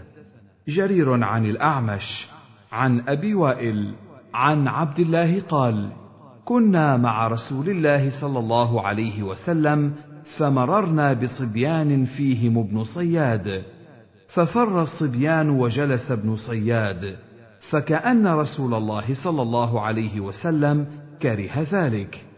فقال له النبي صلى الله عليه وسلم تربت يداك أتشهد أني رسول الله؟ فقال لا. بل تشهد أني رسول الله. فقال عمر بن الخطاب ذرني يا رسول الله حتى اقتله فقال رسول الله صلى الله عليه وسلم إن يكن الذي ترى فلن تستطيع قتله. حدثنا محمد بن عبد الله بن نمير وإسحاق بن إبراهيم وأبو كريب واللفظ لأبي كريب. قال ابن نمير حدثنا وقال الآخران أخبرنا أبو معاوية حدثنا الأعمش عن شقيق عن عبد الله قال كنا نمشي مع النبي صلى الله عليه وسلم فمر بابن صياد فقال له رسول الله صلى الله عليه وسلم قد خبأت لك خبيئا. فقال دخ. فقال رسول الله صلى الله عليه وسلم اخسأ فلن تعدو قدرك. فقال عمر يا رسول الله دعني فأضرب عنقه. فقال رسول الله صلى الله عليه وسلم دعه فإن يكن الذي تخاف لن تستطيع قتله. حدثنا محمد بن المثنى حدثنا سالم بن نوح عن الجريري عن أبي نضرة عن أبي سعيد قال لقيه رسول الله صلى الله عليه وسلم وأبو بكر وعمر في بعض طرق المدينة. فقال له رسول الله صلى الله عليه وسلم أتشهد أني رسول الله؟ فقال هو أتشهد أني رسول الله؟ فقال رسول الله صلى الله عليه وسلم آمنت بالله وملائكته وكتبه. ما ترى؟ قال أرى عرشا على الماء. فقال رسول الله صلى الله عليه وسلم ترى عرش إبليس على البحر وما ترى؟ قال أرى صادقين وكاذبا أو كاذبين وصادقا. فقال رسول الله صلى الله عليه وسلم لبس عليه دعوه. حدثنا يحيى بن حبيب ومحمد بن عبد الأعلى. قال حدثنا معتمر قال سمعت أبي قال حدثنا أبو نضرة عن جابر بن عبد الله قال لقي نبي الله صلى الله عليه وسلم ابن صائد ومعه أبو بكر وعمر وابن صائد مع الغلمان فذكر نحو حديث الجريري. حدثني عبيد الله بن عمر القواريري ومحمد بن المثنى قال حدثنا عبد الأعلى.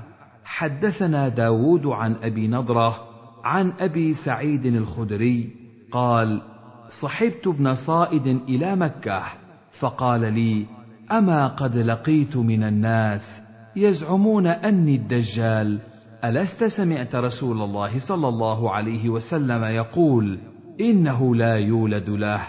قال قلت بلى. قال فقد ولد لي. أوليس سمعت رسول الله صلى الله عليه وسلم يقول لا يدخل المدينة ولا مكة. قلت بلى. قال فقد ولدت بالمدينة وهذا أنا أريد مكة. قال ثم قال لي في آخر قوله أما والله إني لأعلم مولده ومكانه وأين هو؟ قال فلبسني. حدثنا يحيى بن حبيب ومحمد بن عبد الأعلى. قال حدثنا معتمر قال سمعت أبي يحدث عن أبي نضرة عن أبي سعيد الخدري. قال قال لي ابن صائد وأخذتني منه ذمامة. هذا عذرت الناس ما لي ولكم يا أصحاب محمد. ألم يقل نبي الله صلى الله عليه وسلم إنه يهودي؟ وقد أسلمت. قال ولا يولد له وقد ولد لي. وقال إن الله قد حرم عليه مكة وقد حججت. قال فما زال حتى كاد أن يأخذ في قوله. قال فقال له أما والله إني لأعلم الآن حيث هو وأعرف أباه وأمه. قال وقيل له أيسرك أنك ذاك الرجل؟ قال فقال لو عرض علي ما كرهت.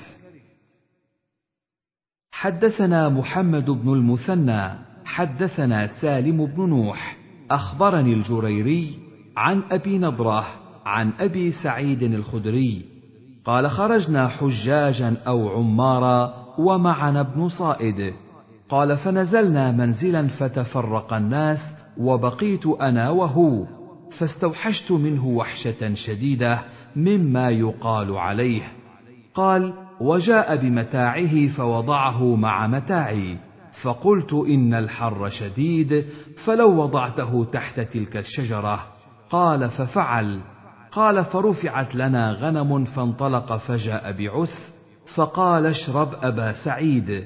فقلت إن الحر شديد واللبن حار. ما بي إلا أني أكره أن أشرب عن يده أو قال آخذ عن يده فقال أبا سعيد لقد هممت أن آخذ حبلا فأعلقه بشجرة ثم أختنق مما يقول لي الناس. يا أبا سعيد من خفي عليه حديث رسول الله صلى الله عليه وسلم ما خفي عليكم معشر الأنصار؟ ألست من أعلم الناس بحديث رسول الله صلى الله عليه وسلم؟ أليس قد قال رسول الله صلى الله عليه وسلم هو كافر وأنا مسلم؟ أوليس قد قال رسول الله صلى الله عليه وسلم هو عقيم لا يولد له وقد تركت ولدي بالمدينة؟ أوليس قد قال رسول الله صلى الله عليه وسلم لا يدخل المدينة ولا مكة؟ وقد أقبلت من المدينة وأنا أريد مكة. قال أبو سعيد الخدري حتى كدت أن أعذره. ثم قال أما والله إني لأعرفه وأعرف مولده وأين هو الآن؟ قال قلت له تبا لك سائر اليوم. حدثنا نصر بن علي الجهضمي حدثنا بشر يعني ابن مفضل عن أبي مسلمة عن أبي نضرة عن أبي سعيد قال قال رسول الله صلى الله عليه وسلم لابن صائد ما تربة الجنة؟ قال درمكة بيضاء مسك. يا أبا القاسم قال صدقت. وحدثنا أبو بكر بن أبي شيبة حدثنا أبو أسامة عن الجريري عن أبي نضرة عن أبي سعيد أن ابن صياد سأل النبي صلى الله عليه وسلم عن تربة الجنة فقال درمكة بيضاء مسك خالص. حدثنا عبيد الله بن معاذ العنبري حدثنا أبي حدثنا شعبة عن سعد بن إبراهيم عن محمد بن المنكدر قال رأيت جابر بن عبد الله يحلف بالله أن ابن صائد الدجال. فقلت أتحلف بالله؟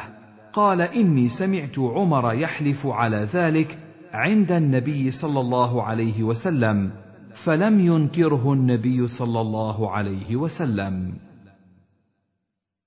حدثني حرملة بن يحيى بن عبد الله بن حرملة ابن عمران التجيبي.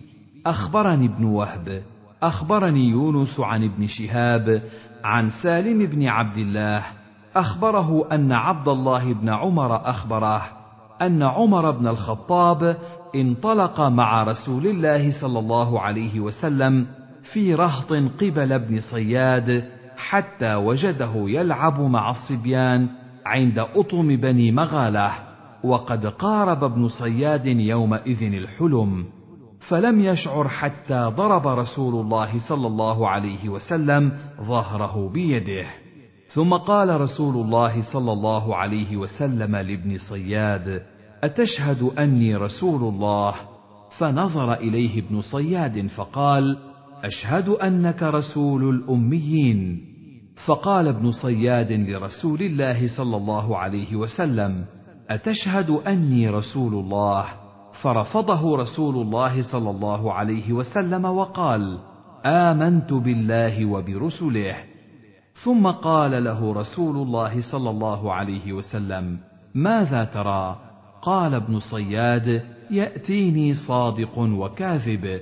فقال له رسول الله صلى الله عليه وسلم خلط عليك الأمر. ثم قال له رسول الله صلى الله عليه وسلم إني قد خبأت لك خبيئا. فقال ابن صياد هو الدخ. فقال له رسول الله صلى الله عليه وسلم اخسأ فلن تعدو قدرك. فقال عمر بن الخطاب ذرني يا رسول الله أضرب عنقه. فقال له رسول الله صلى الله عليه وسلم إن يكنه فلن تسلط عليه وإن لم يكنه فلا خير لك في قتله. وقال سالم بن عبد الله سمعت عبد الله بن عمر يقول انطلق بعد ذلك رسول الله صلى الله عليه وسلم وأبي بن كعب الأنصاري إلى النخل التي فيها ابن صياد حتى إذا دخل رسول الله صلى الله عليه وسلم النخل طفق يتقي بجذوع النخل وهو يختل أن يسمع من ابن صياد شيئا قبل أن يراه ابن صياد. فرآه رسول الله صلى الله عليه وسلم وهو مضطجع على فراش في قطيفة له فيها زمزمة. فرأت أم بن صياد رسول الله صلى الله عليه وسلم وهو يتقي بجذوع النخل. فقالت لابن صياد يا صاف وهو اسم ابن صياد هذا محمد. فثار ابن صياد فقال رسول الله صلى الله عليه وسلم لو تركته بين قال سالم قال عبد الله بن عمر فقام رسول الله صلى الله عليه وسلم في الناس فأثنى على الله بما هو أهله. ثم ذكر الدجال فقال إني لأنذركموه ما من نبي إلا وقد أنذره قومه. لقد أنذره نوح قومه. ولكن أقول لكم فيه قولا لم يقله نبي لقومه. تعلموا أنه أعور وأن الله تبارك وتعالى ليس بأعور. قال ابن شهاب وأخبرني عمر بن ثابت الأنصاري أنه أخبره بعض أصحاب رسول الله صلى الله عليه وسلم أن رسول الله صلى الله عليه وسلم قال يوم حذر الناس الدجال إنه مكتوب بين عينيه كافر يقرأه من كره عمله أو يقرأه كل مؤمن وقال تعلموا أنه لن يرى أحد منكم ربه عز وجل حتى يموت. حدثنا الحسن بن علي الحلواني وعبد بن حميد قال حدثنا يعقوب وهو ابن إبراهيم بن سعد. حدثنا أبي عن صالح عن ابن شهاب. أخبرني سالم بن عبد الله أن عبد الله بن عمر قال انطلق رسول الله صلى الله عليه وسلم ومعه رهط من أصحابه فيهم عمر بن الخطاب حتى وجد ابن صياد غلاما قد ناهز الحلم يلعب مع الغلمان عند اطم بني معاوية.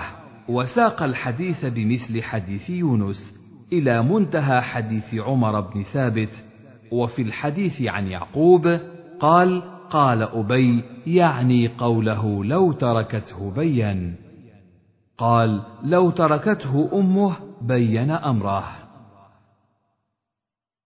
وحدثنا عبد بن حميد وسلمة بن شبيب جميعا عن عبد الرزاق. أخبرنا معمر عن الزهري عن سالم عن ابن عمر أن رسول الله صلى الله عليه وسلم مر بابن صياد في نفر من أصحابه فيهم عمر بن الخطاب وهو يلعب مع الغلمان عند أطم بني مغالة وهو غلام. بمعنى حديث يونس وصالح غير أن عبد بن حميد لم يذكر حديث ابن عمر في انطلاق النبي صلى الله عليه وسلم مع أبي بن كعب إلى النخل. حدثنا عبد بن حميد حدثنا روح بن عبادة حدثنا هشام عن أيوب عن نافع قال لقي ابن عمر بن صائد في بعض طرق المدينة فقال له قولا أغضبه فانتفخ حتى ملأ السكة. فدخل ابن عمر على حفصة وقد بلغها فقالت له رحمك الله ما أردت من ابن صائد؟ أما علمت أن رسول الله صلى الله عليه وسلم قال إنما يخرج من غضبة يغضبها. حدثنا محمد بن المثنى حدثنا حسين يعني ابن حسن بن يسار. حدثنا ابن عون عن نافع قال كان نافع يقول ابن صياد قال قال ابن عمر لقيته مرتين قال فلقيته فقلت لبعضهم هل تحدثون أنه هو؟ قال لا والله قال قلت كذبتني. والله لقد أخبرني بعضكم أنه لن يموت حتى يكون أكثركم مالا وولدا فكذلك هو زعم اليوم. قال فتحدثنا ثم فارقته. قال فلقيته لقية أخرى وقد نفرت عينه. قال فقلت متى فعلت عينك ما أرى؟ قال لا أدري. قال قلت لا تدري وهي في رأسك. قال إن شاء الله خلقها في عصاك هذه. قال فنخر كاشد نخير حمار سمعت. قال فزعم بعض أصحابي أني ضربته بعصا كانت معي حتى تكسرت وأما أنا فوالله ما شعرت. قال وجاء حتى دخل على أم المؤمنين فحدثها فقالت ما تريد إليه؟ ألم تعلم أنه قد قال إن أول ما يبعثه على الناس غضب يغضبه؟ باب ذكر الدجال وصفته وما معه حدثنا أبو بكر بن أبي شيبة حدثنا أبو أسامة ومحمد بن بشر. قال حدثنا عبيد الله عن نافع عن ابن عمر حا. وحدثنا ابن نمير واللفظ له. حدثنا محمد بن بشر. حدثنا عبيد الله عن نافع عن ابن عمر أن رسول الله صلى الله عليه وسلم ذكر الدجال بين ظهراني الناس فقال إن الله تعالى ليس بأعور ألا وإن المسيح الدجال أعور العين اليمنى كأن عينه عنبة طافئة. حدثني أبو الربيع وأبو كامل قال حدثنا حماد وهو ابن زيد عن أيوب حا. وحدثنا محمد بن عباد حدثنا حاتم يعني ابن إسماعيل عن موسى بن عقبة كلاهما عن نافع عن ابن عمر عن النبي صلى الله عليه وسلم بمثله. حدثنا محمد بن المثنى ومحمد بن بشار. قال حدثنا محمد بن جعفر. حدثنا شعبة عن قتادة. قال سمعت أنس بن مالك قال قال رسول الله صلى الله عليه وسلم ما من نبي إلا وقد أنذر أمته الأعور الكذاب. ألا إنه أعور وإن ربكم ليس بأعور ومكتوب بين عينيه ك ف را حدثنا ابن المثنى وابن بشار واللفظ لابن المثنى. قال حدثنا معاذ بن هشام حدثني أبي عن قتادة حدثنا أنس بن مالك أن نبي الله صلى الله عليه وسلم قال الدجال مكتوب بين عينيه ك ف را أي كافر. وحدثني زهير بن حرب حدثنا عفان حدثنا عبد الوارث عن شعيب بن الحبحاب عن أنس بن مالك قال قال رسول الله صلى الله عليه وسلم الدجال ممسوح العين مكتوب بين عينيه كافر ثم تهجاها ك يقرأه كل مسلم. حدثنا محمد بن عبد الله بن نمير ومحمد بن العلاء وإسحاق بن إبراهيم. قال إسحاق أخبرنا وقال الآخران حدثنا. أبو معاوية عن الأعمش عن شقيق عن حذيفة قال قال رسول الله صلى الله عليه وسلم الدجال أعور العين اليسرى جفال الشعر معه جنة ونار فناره جنة وجنته نار.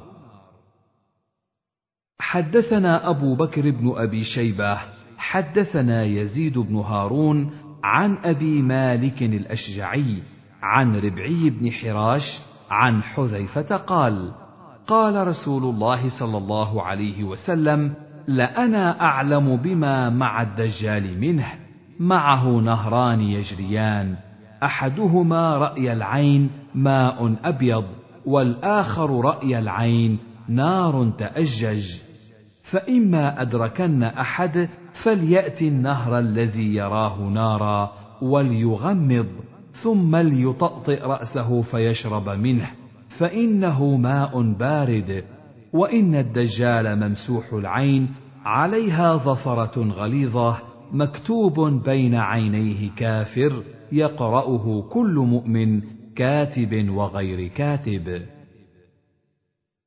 حدثنا عبيد الله بن معاذ حدثنا أبي حدثنا شعبة حا.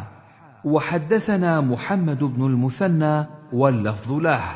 حدثنا محمد بن جعفر.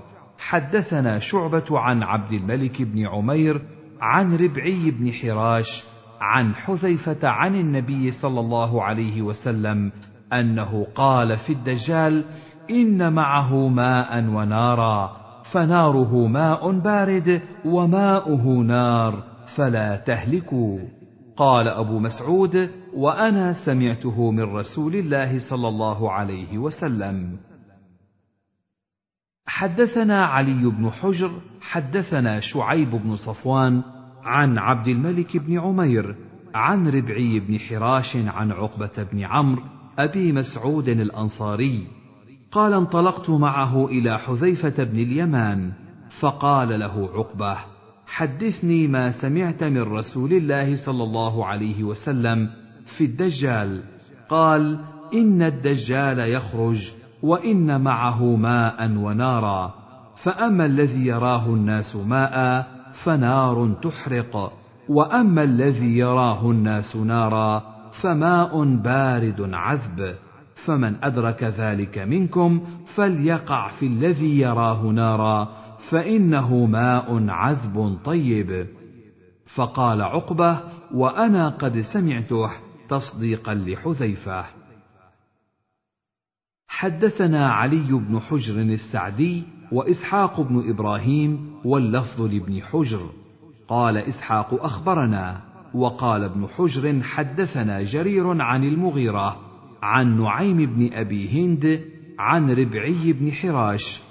قال اجتمع حذيفة وأبو مسعود فقال حذيفة لأنا بما مع الدجال أعلم منه إن معه نهرا من ماء ونهرا من نار فأما الذي ترون أنه نار ماء وأما الذي ترون أنه ماء نار فمن أدرك ذلك منكم فأراد الماء فليشرب من الذي يراه أنه نار. فإنه سيجده ماء. قال أبو مسعود هكذا سمعت النبي صلى الله عليه وسلم يقول حدثني محمد بن رافع حدثنا حسين بن محمد حدثنا شيبان عن يحيى عن أبي سلمة قال سمعت أبا هريرة قال قال رسول الله صلى الله عليه وسلم ألا أخبركم عن الدجال حديثا ما حدثه نبي قومه؟ إنه أعور وإنه يجيء معه مثل الجنة والنار فالتي يقول إنها الجنة هي النار وإني أنذرتكم به كما أنذر به نوح قومه. حدثنا أبو خيثمة زهير بن حرب حدثنا الوليد بن مسلم حدثني عبد الرحمن بن يزيد بن جابر فحدثني يحيى بن جابر الطائي قاضي حمص. حدثني عبد الرحمن بن جبير عن أبيه جبير بن نفير الحضرمي أنه سمع النواس بن سمعان الكلابي حا. وحدثني محمد بن مهران الرازي واللفظ له. حدثنا الوليد بن مسلم حدثنا عبد الرحمن بن يزيد بن جابر عن يحيى بن جابر الطائي عن عبد الرحمن بن جبير بن نفير عن أبيه جبير بن نفير عن النواس بن سمعان قال ذكر رسول الله صلى الله عليه وسلم الدجال ذات غداه فخفض فيه ورفع حتى ظنناه في طائفة النخل فلما رحنا إليه عرف ذلك فينا فقال ما شأنكم؟ قلنا يا رسول الله ذكرت الدجال غداه فخفضت فيه ورفعت حتى ظنناه في طائفة النخل فقال غير الدجال أخوفني عليكم إن يخرج وأنا فيكم فأنا حجيجه دونكم وإن يخرج ولست فيكم فامرؤ حجيج نفسه والله خليفتي على كل مسلم. إنه شاب قطط عينه طافئة كأني أشبهه بعبد العز بن قطن. فمن أدركه منكم فليقرأ عليه فواتح سورة الكهف. إنه خارج خلة بين الشأم والعراق فعاث يمينا وعاث شمالا. يا عباد الله فاثبتوا. قلنا يا رسول الله وما لبثه في الأرض قال اربعون يوما يوم كسنه ويوم كشهر ويوم كجمعه وسائر ايامه كايامكم. قلنا يا رسول الله فذلك اليوم الذي كسنه اتكفينا فيه صلاه يوم؟ قال لا اقدروا له قدره. قلنا يا رسول الله وما اسراعه في الأرض؟ قال كالغيث استدبرته الريح فيأتي على القوم فيدعوهم فيؤمنون به ويستجيبون له. فيأمر السماء فتمطر والأرض فتنبت فتروح عليهم سارحتهم أطول ما كانت ذرى وأسبغه ضروعا وأمده خواصر. ثم يأتي القوم فيدعوهم فيردون عليه قوله فينصرف عنهم فيصبحون ممحلين ليس بأيديهم شيء من أموالهم. ويمر بالخربه فيقول لها أخرجي كنوزك. فتتبعه كنوزها كيعاسيب النحل. ثم يدعو رجلا ممتلئا شبابا فيضربه بالسيف فيقطعه جزلتين رمية الغرض. ثم يدعوه فيقبل ويتهلل وجهه يضحك. فبينما هو كذلك إذ بعث الله المسيح ابن مريم فينزل عند المنارة البيضاء شرقي دمشق بين مهرودتين واضعا كفيه على أجنحة ملكين إذا طأطأ رأسه قطر وإذا رفعه تحدر منه جمان كاللؤلؤ فلا يحل لكافر يجد ريح نفسه إلا مات. ونفسه ينتهي حيث ينتهي طرفه فيطلبه حتى يدركه بباب لد فيقتله. ثم يأتي عيسى ابن مريم قوم قد عصمهم الله منه فيمسح عن وجوههم ويحدثهم بدرجاتهم في الجنة. فبينما هو كذلك إذ أوحى الله إلى عيسى إني قد أخرجت عبادا لي لا يدان لأحد بقتالهم فحرز عبادي إلى الطور. ويبعث الله يأجوج ومأجوج وهم من كل حدب ينسلون. فيمر أوائلهم على بحيرة طبرية فيشربون ما فيها. ويمر آخرهم فيقولون لقد كان بهذه مرة ماء ويحصر نبي الله عيسى وأصحابه حتى يكون رأس الثور لأحدهم خيرا من مائه دينار لأحدكم اليوم. فيرغب نبي الله عيسى وأصحابه فيرسل الله عليهم النغف في رقابهم فيصبحون فرسا كموت نفس واحدة. ثم يهبط نبي الله عيسى وأصحابه إلى الأرض فلا يجدون في الأرض موضع شبر إلا ملأه زهمهم ونتنهم.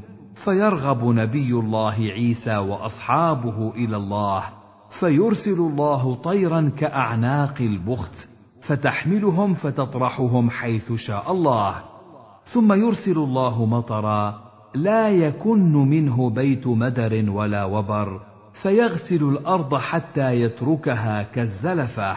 ثم يقال للأرض أنبتي ثمرتك وردي بركتك فيومئذ تأكل العصابة من الرمانة ويستظلون بقحفها ويبارك في الرسل حتى أن اللقحة من الإبل لتكفي الفئام من الناس واللقحة من البقر لتكفي القبيلة من الناس واللقحة من الغنم لتكفي الفخذ من الناس.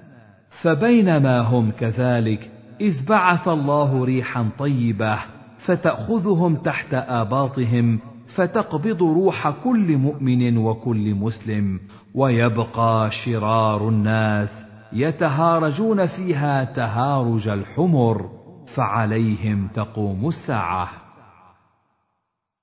حدثنا علي بن حجر السعدي حدثنا عبد الله بن عبد الرحمن بن يزيد بن جابر والوليد بن مسلم.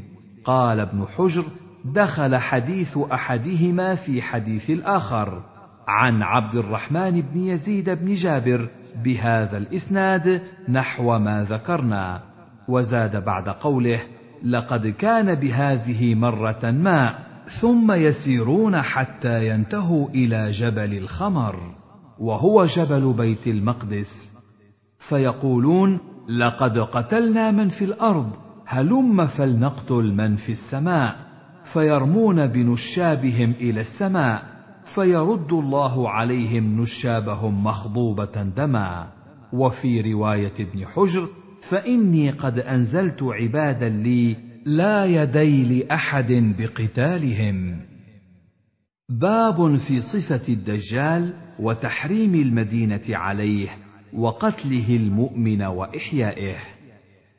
حدثني عمرو الناقد والحسن الحلواني وعبد بن حميد وألفاظهم متقاربة والسياق لعبد. قال حدثني وقال الآخران حدثنا. يعقوب وهو ابن إبراهيم بن سعد. حدثنا أبي عن صالح عن ابن شهاب أخبرني عبيد الله بن عبد الله بن عتبة أن أبا سعيد الخدري قال حدثنا رسول الله صلى الله عليه وسلم يوما حديثا طويلا عن الدجال فكان فيما حدثنا قال يأتي وهو محرم عليه أن يدخل نقاب المدينة فينتهي إلى بعض السباخ التي تلي المدينة فيخرج إليه يومئذ رجل هو خير الناس أو من خير الناس. فيقول له أشهد أنك الدجال الذي حدثنا رسول الله صلى الله عليه وسلم حديثه. فيقول الدجال أرأيتم إن قتلت هذا ثم أحييته؟ أتشكون في الأمر؟ فيقولون لا. قال فيقتله ثم يحييه. فيقول حين يحييه والله ما كنت فيك قط أشد بصيرة مني الآن. قال فيريد الدجال أن يقتله فلا يسلط عليه. قال أبو إسحاق يقال إن هذا الرجل هو الخضر عليه السلام. وحدثني عبد الله بن عبد الرحمن الدارمي أخبرنا أبو اليمان أخبرنا شعيب عن الزهري في هذا الإسناد بمثله. حدثني محمد بن عبد الله بن قهزاز من أهل مرو. حدثنا عبد الله بن عثمان عن أبي حمزة عن قيس بن وهب عن أبي الوداك عن أبي سعيد الخدري قال قال رسول الله صلى الله عليه وسلم يخرج الدجال فيتوجه قبله رجل من المؤمنين فتلقاه المسالح مسالح الدجال. فيقولون له أين تعمد? فيقول أعمد إلى هذا الذي خرج. قال فيقولون له أوما تؤمن بربنا؟ فيقول ما بربنا خفاء. فيقولون اقتلوه. فيقول بعضهم لبعض أليس قد نهاكم ربكم أن تقتلوا أحدا دونه؟ قال فينطلقون به إلى الدجال.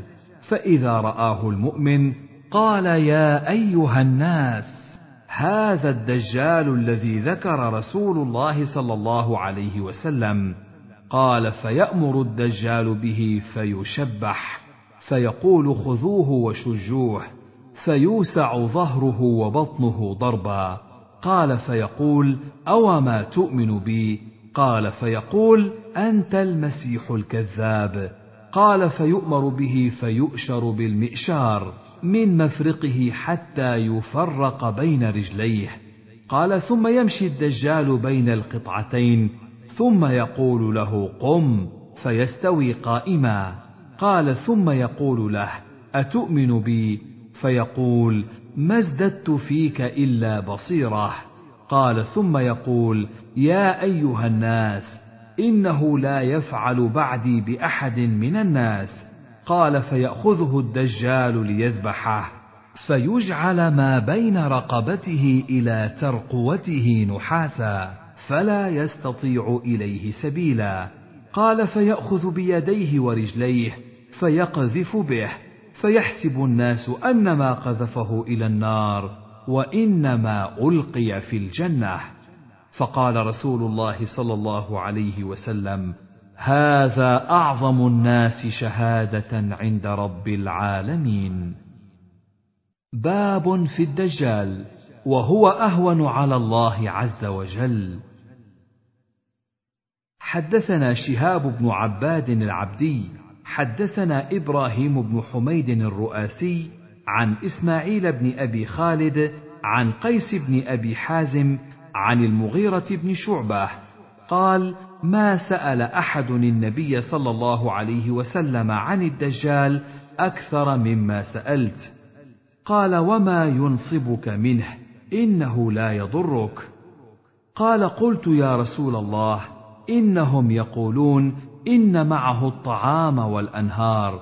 قال هو أهون على الله من ذلك. حدثنا سريج بن يونس حدثنا هشيم عن إسماعيل عن قيس عن المغيرة بن شعبة قال ما سأل أحد النبي صلى الله عليه وسلم عن الدجال أكثر مما سألته. قال وما سؤالك؟ قال قلت إنهم يقولون معه جبال من خبز ولحم ونهر من ماء. قال هو أهون على الله من ذلك. حدثنا أبو بكر بن أبي شيبة وابن نمير قال حدثنا وكيع حا وحدثنا إسحاق بن إبراهيم أخبرنا جرير حا وحدثنا ابن أبي عمر حدثنا سفيان حا وحدثنا أبو بكر بن أبي شيبة حدثنا يزيد بن هارون حا وحدثني محمد بن رافع حدثنا أبو أسامة كلهم عن إسماعيل بهذا الإسناد نحو حديث إبراهيم بن حميد وزاد في حديث يزيد فقال لي أي بني باب في خروج الدجال ومكثه في الأرض ونزول عيسى وقتله إياه وذهاب أهل الخير والإيمان وبقاء شرار الناس وعبادتهم الأوثان والنفخ في الصور وبعث من في القبور. حدثنا عبيد الله بن معاذ العنبري حدثنا أبي حدثنا شعبة عن النعمان بن سالم قال سمعت يعقوب بن عاصم بن عروة بن مسعود الثقفي يقول سمعت عبد الله بن عمرو وجاءه رجل فقال ما هذا الحديث الذي تحدث به؟ تقول إن الساعة تقوم إلى كذا وكذا. فقال سبحان الله. أو لا إله إلا الله أو كلمة نحوهما.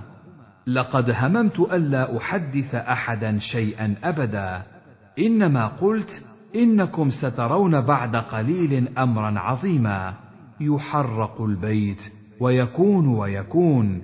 ثم قال قال رسول الله صلى الله عليه وسلم يخرج الدجال في أمتي فيمكث أربعين. لا أدري أربعين يوما أو أربعين شهرا أو أربعين عاما.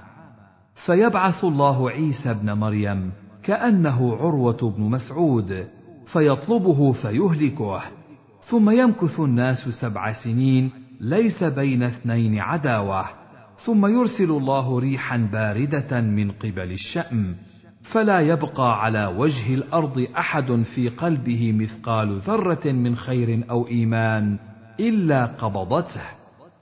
حتى لو أن أحدكم دخل في كبد جبل لدخلته عليه حتى تقبضه قال سمعتها من رسول الله صلى الله عليه وسلم قال فيبقى شرار الناس في خفة الطير وأحلام السباع.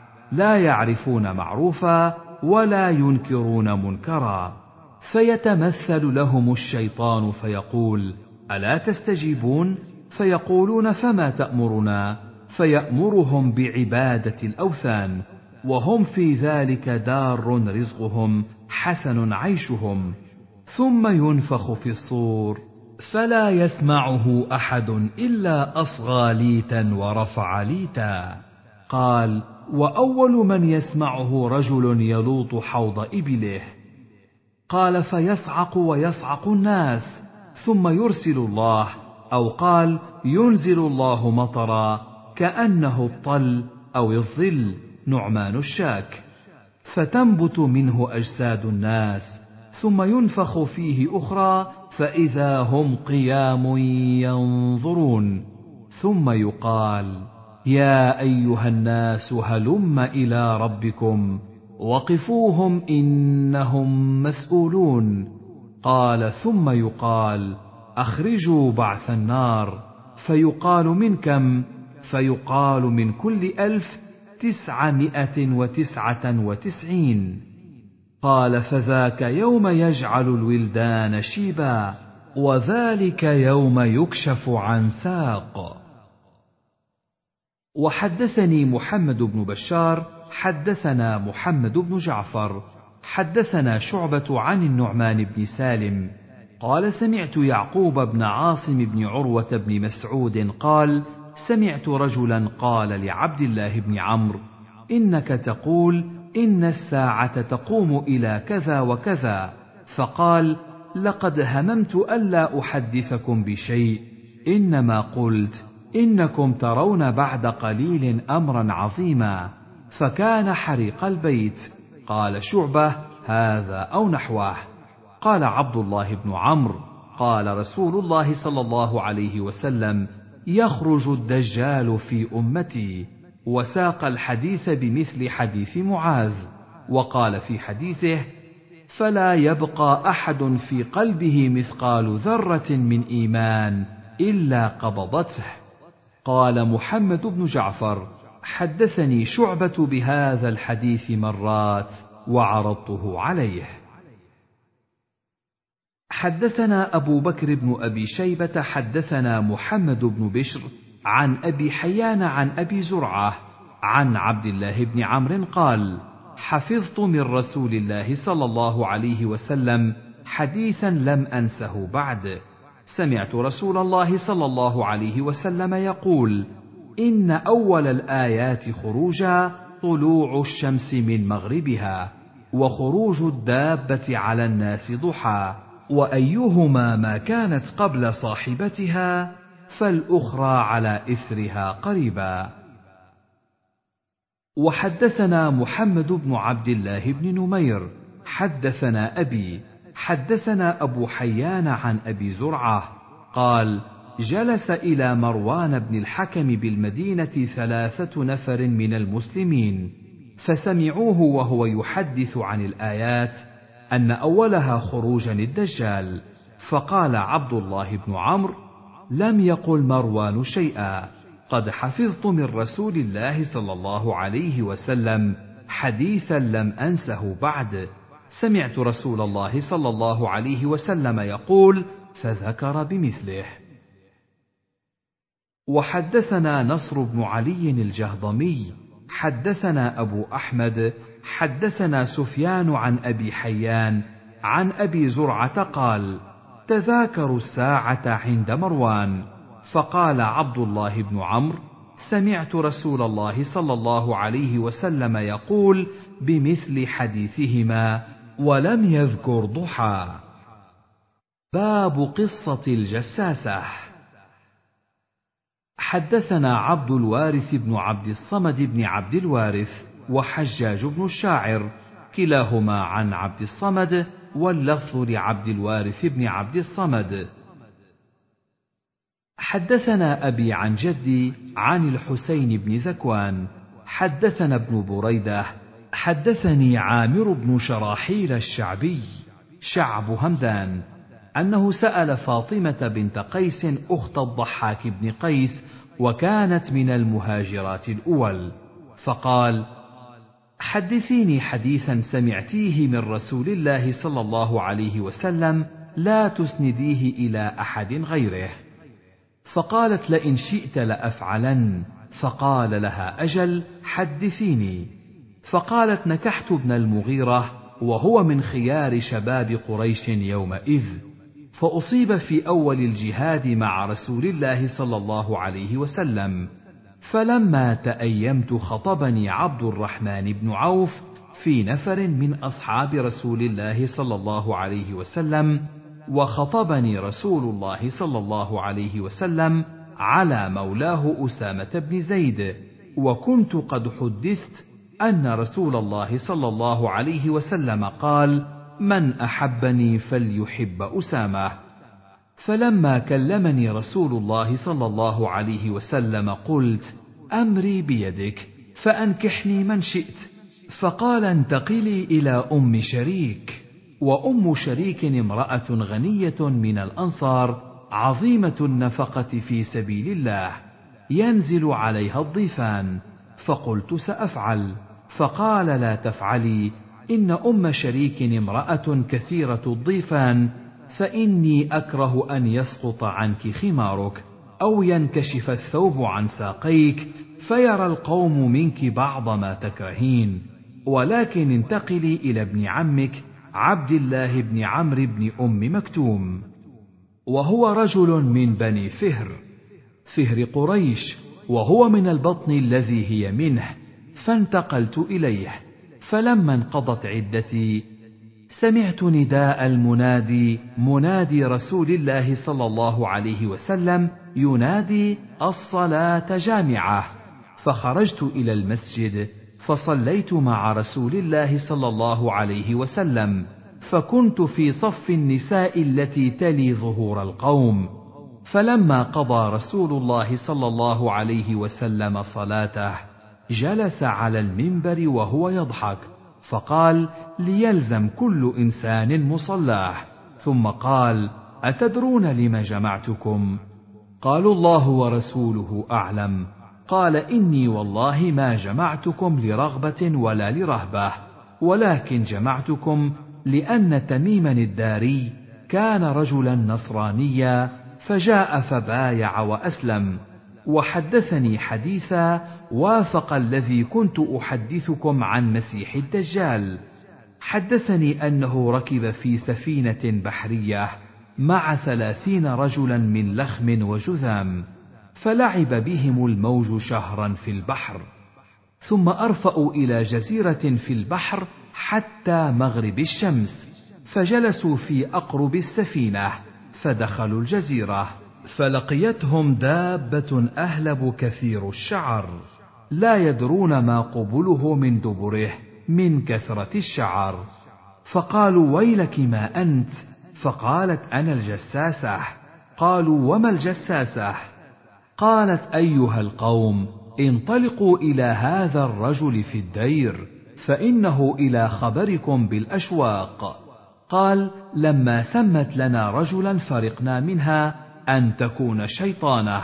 قال فانطلقنا سراعا حتى دخلنا الدير فإذا فيه أعظم إنسان رأيناه قط خلقا وأشده وثاقا مجموعة يداه إلى عنقه ما بين ركبتيه إلى كعبيه بالحديد. قلنا ويلك ما أنت؟ قال قد قدرتم على خبري فأخبروني ما أنتم. قالوا نحن أناس من العرب ركبنا في سفينة بحرية فصادفنا البحر حين اغتلم. فلعب بنا الموج شهرا ثم أرفأنا إلى جزيرتك هذه فجلسنا في أقربها فدخلنا الجزيرة فلقيتنا دابة أهلب كثير الشعر. لا يدرى ما قبله من دبره من كثرة الشعر. فقلنا ويلك ما أنت؟ فقالت أنا الجساسة. قلنا وما الجساسة؟ قالت اعمدوا إلى هذا الرجل في الدير فإنه إلى خبركم بالأشواق فأقبلنا إليك سراعا وفزعنا منها ولم نأمن أن تكون شيطانة. فقال أخبروني عن نخل بيسان. قلنا عن أي شأنها تستخبر؟ قال أسألكم عن نخلها هل يثمر؟ قلنا له نعم. قال أما إنه يوشك ألا تثمر؟ قال أخبروني عن بحيرة الطبرية. قلنا عن أي شأنها تستخبر؟ قال هل فيها ماء؟ قالوا هي كثيرة الماء. قال أما إن ماءها يوشك أن يذهب؟ قال أخبروني عن عين زغر. قالوا عن أي شأنها تستخبر؟ قال هل في العين ماء وهل يزرع أهلها بماء العين؟ قلنا له نعم هي كثيرة الماء وأهلها يزرعون من مائها. قال أخبروني عن نبي الأميين ما فعل؟ قالوا قد خرج من مكة ونزل يثرب. قال أقاتله العرب قلنا نعم. قال كيف صنع بهم؟ فأخبرناه أنه قد ظهر على من يليه من العرب وأطاعوه. قال لهم قد كان ذلك؟ قلنا نعم. قال أما إن ذاك خير لهم أن يطيعوه؟ وإني مخبركم عني. إني أنا المسيح وإني أوشك أن يؤذن لي في الخروج. فأخرج فأسير في الأرض فلا أدع قرية إلا هبطتها في أربعين ليلة غير مكة وطيبة فهما محرمتان علي كلتاهما. كلما أردت أن أدخل واحدة أو واحدا منهما استقبلني ملك بيده السيف صلتا يصدني عنها.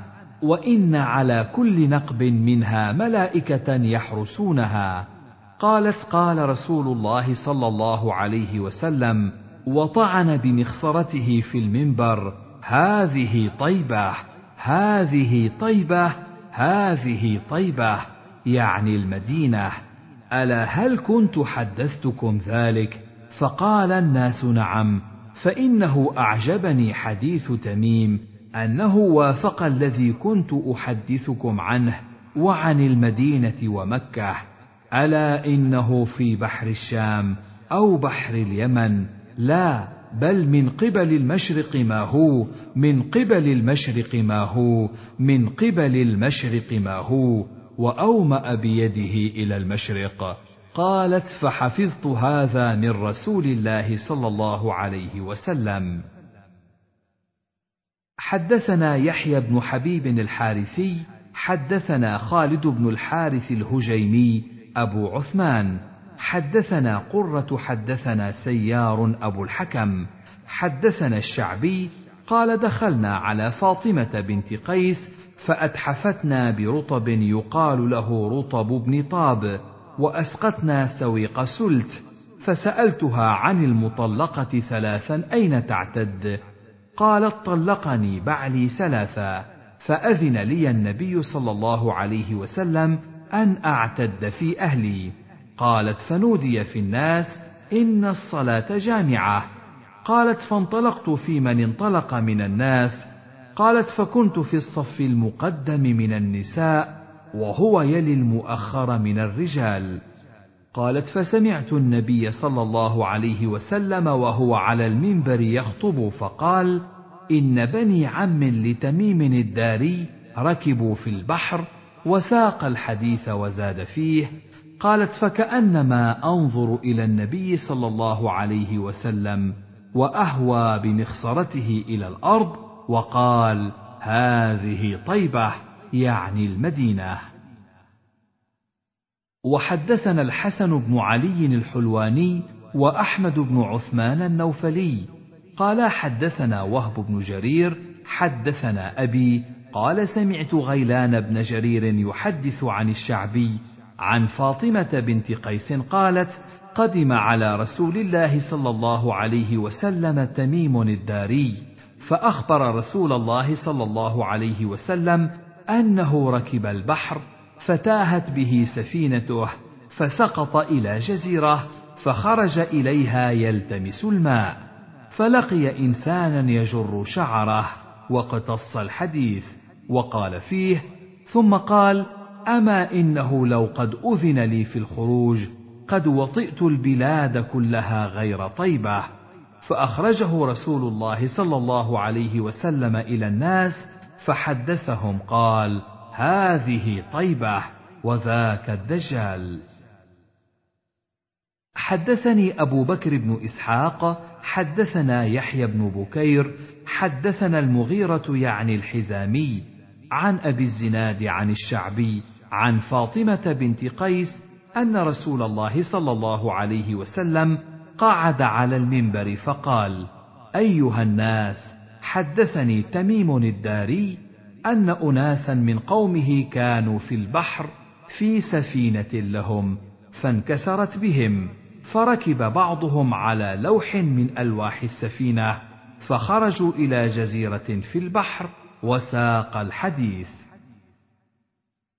حدثني علي بن حجر السعدي حدثنا الوليد بن مسلم حدثني أبو عمرو يعني الأوزاعي عن إسحاق بن عبد الله بن أبي طلحة. حدثني أنس بن مالك قال قال رسول الله صلى الله عليه وسلم ليس من بلد إلا سيطأه الدجال إلا مكة والمدينة. وليس نقب من أنقابها إلا عليه الملائكة صافين تحرسها فينزل بالسبخة فترجف المدينة ثلاث رجفات يخرج إليه منها كل كافر ومنافق.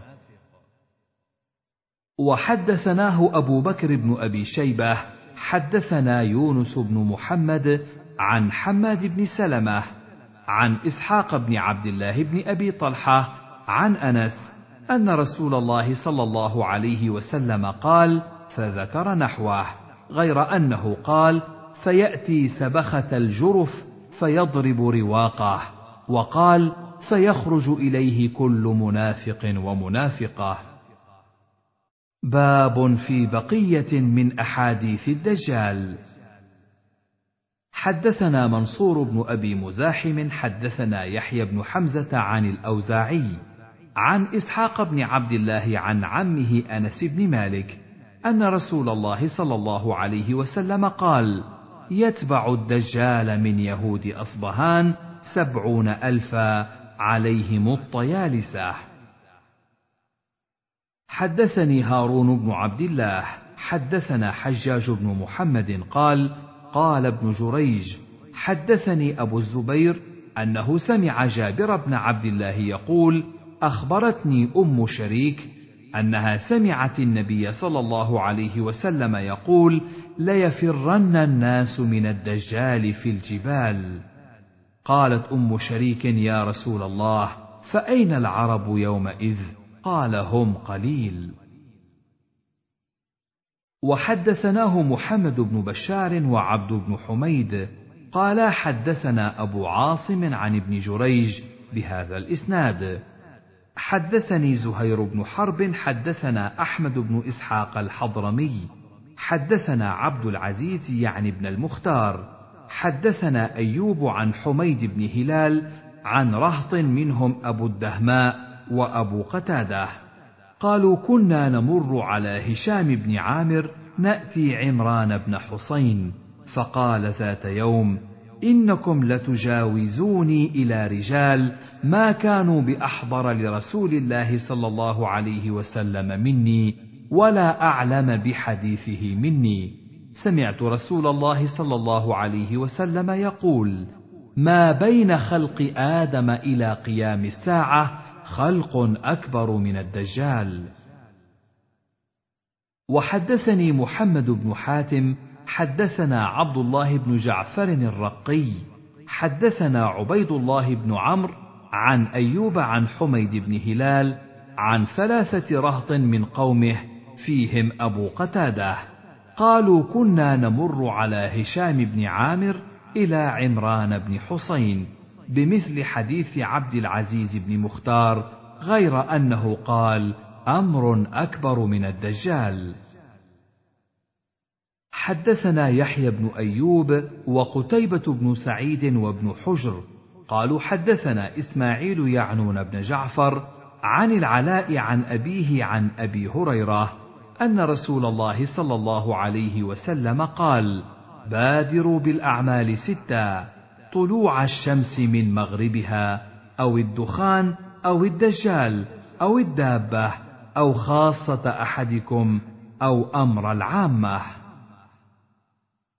حدثنا أمية بن بسطام العيشي حدثنا يزيد بن زريع حدثنا شعبة عن قتادة عن الحسن عن زياد بن رياح عن أبي هريرة عن النبي صلى الله عليه وسلم قال بادروا بالأعمال ستا الدجال والدخان ودابة الأرض وطلوع الشمس من مغربها وأمر العامة وخويصة أحدكم.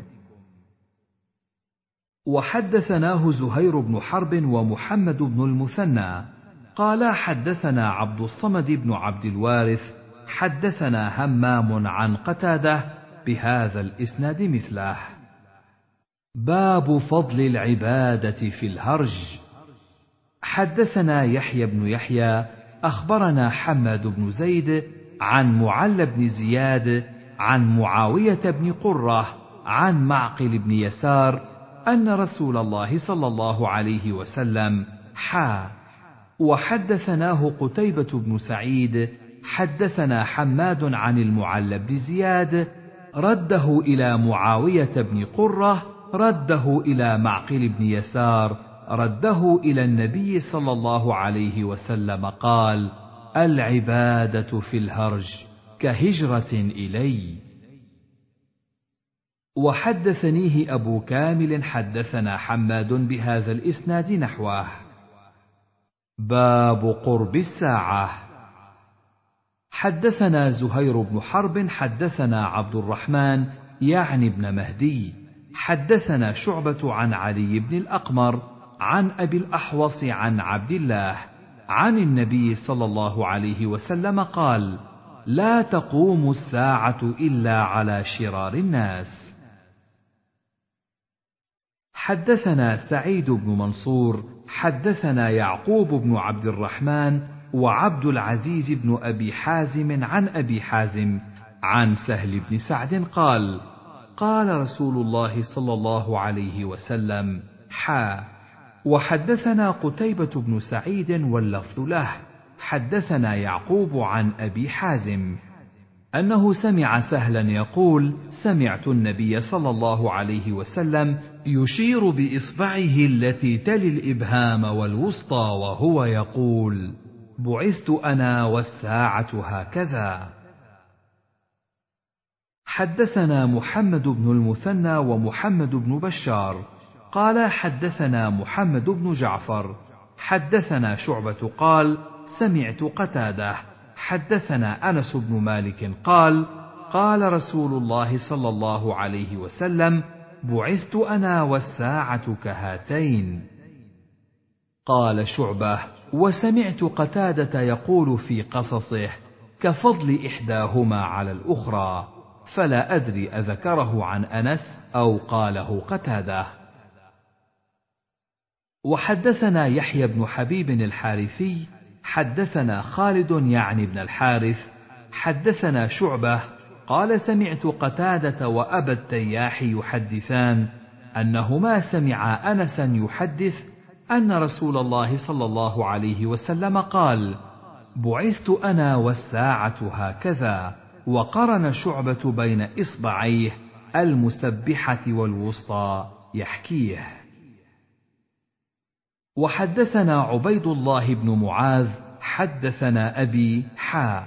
وحدثنا محمد بن الوليد حدثنا محمد بن جعفر.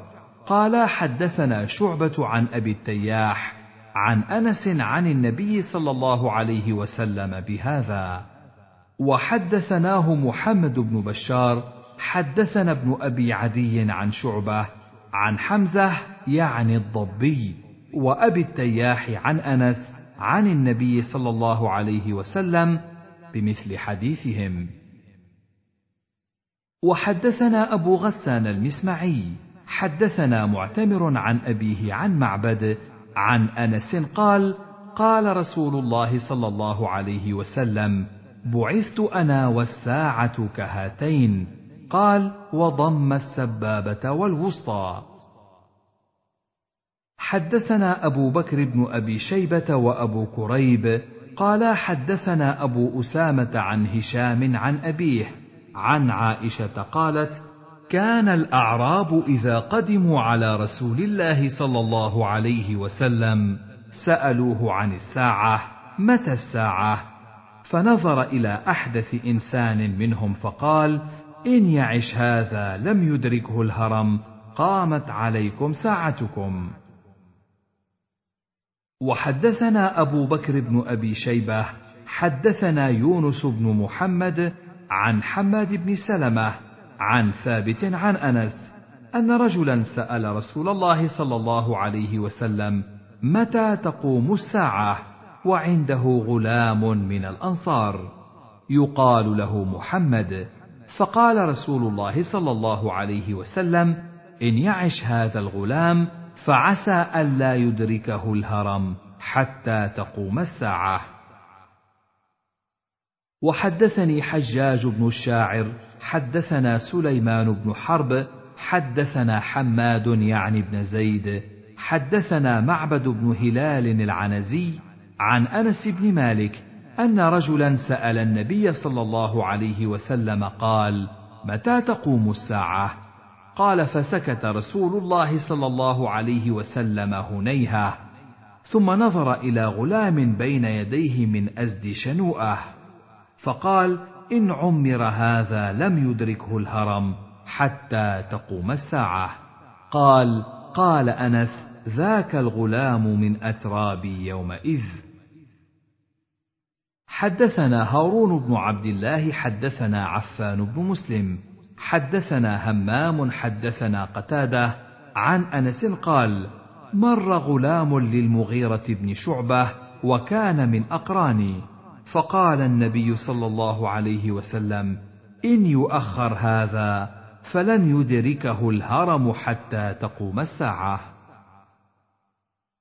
حدثني زهير بن حرب حدثنا سفيان بن عيينة عن أبي الزناد عن الأعرج عن أبي هريرة يبلغ به النبي صلى الله عليه وسلم قال تقوم الساعة والرجل يحلب اللقحه فما يصل الإناء إلى فيه حتى تقوم والرجلان يتبايعان الثوب فما يتبايعانه حتى تقوم والرجل يلط في حوضه فما يصدر حتى تقوم. باب ما بين النفختين. حدثنا أبو كريب محمد بن العلاء حدثنا أبو معاوية عن الأعمش عن أبي صالح عن أبي هريرة قال قال رسول الله صلى الله عليه وسلم ما بين النفختين أربعون. قالوا يا أبا هريرة أربعون يوما. قال أبيت. قالوا أربعون شهرا. قال أبيت. قالوا أربعون سنة. قال أبيت. ثم ينزل الله من السماء ماء فينبتون كما ينبت البقل. قال وليس من الإنسان شيء إلا يبلى إلا عظما واحدا وهو عجب الذنب ومنه يركب الخلق يوم القيامة. وحدثنا قتيبة بن سعيد حدثنا المغيرة يعني الحزامي عن أبي الزناد عن الأعرج عن أبي هريرة أن رسول الله صلى الله عليه وسلم قال: كل ابن آدم يأكله التراب إلا عجب الذنب منه خلق وفيه يركب. حدثنا محمد بن رافع حدثنا عبد الرزاق حدثنا معمر عن همام بن منبه قال هذا ما حدثنا أبو هريرة عن رسول الله صلى الله عليه وسلم فذكر أحاديث منها وقال رسول الله صلى الله عليه وسلم إن في الإنسان عظما لا تأكله الأرض أبدا فيه يركب يوم القيامة. قالوا أي عظم هو يا رسول الله؟ قال عجب الذنب.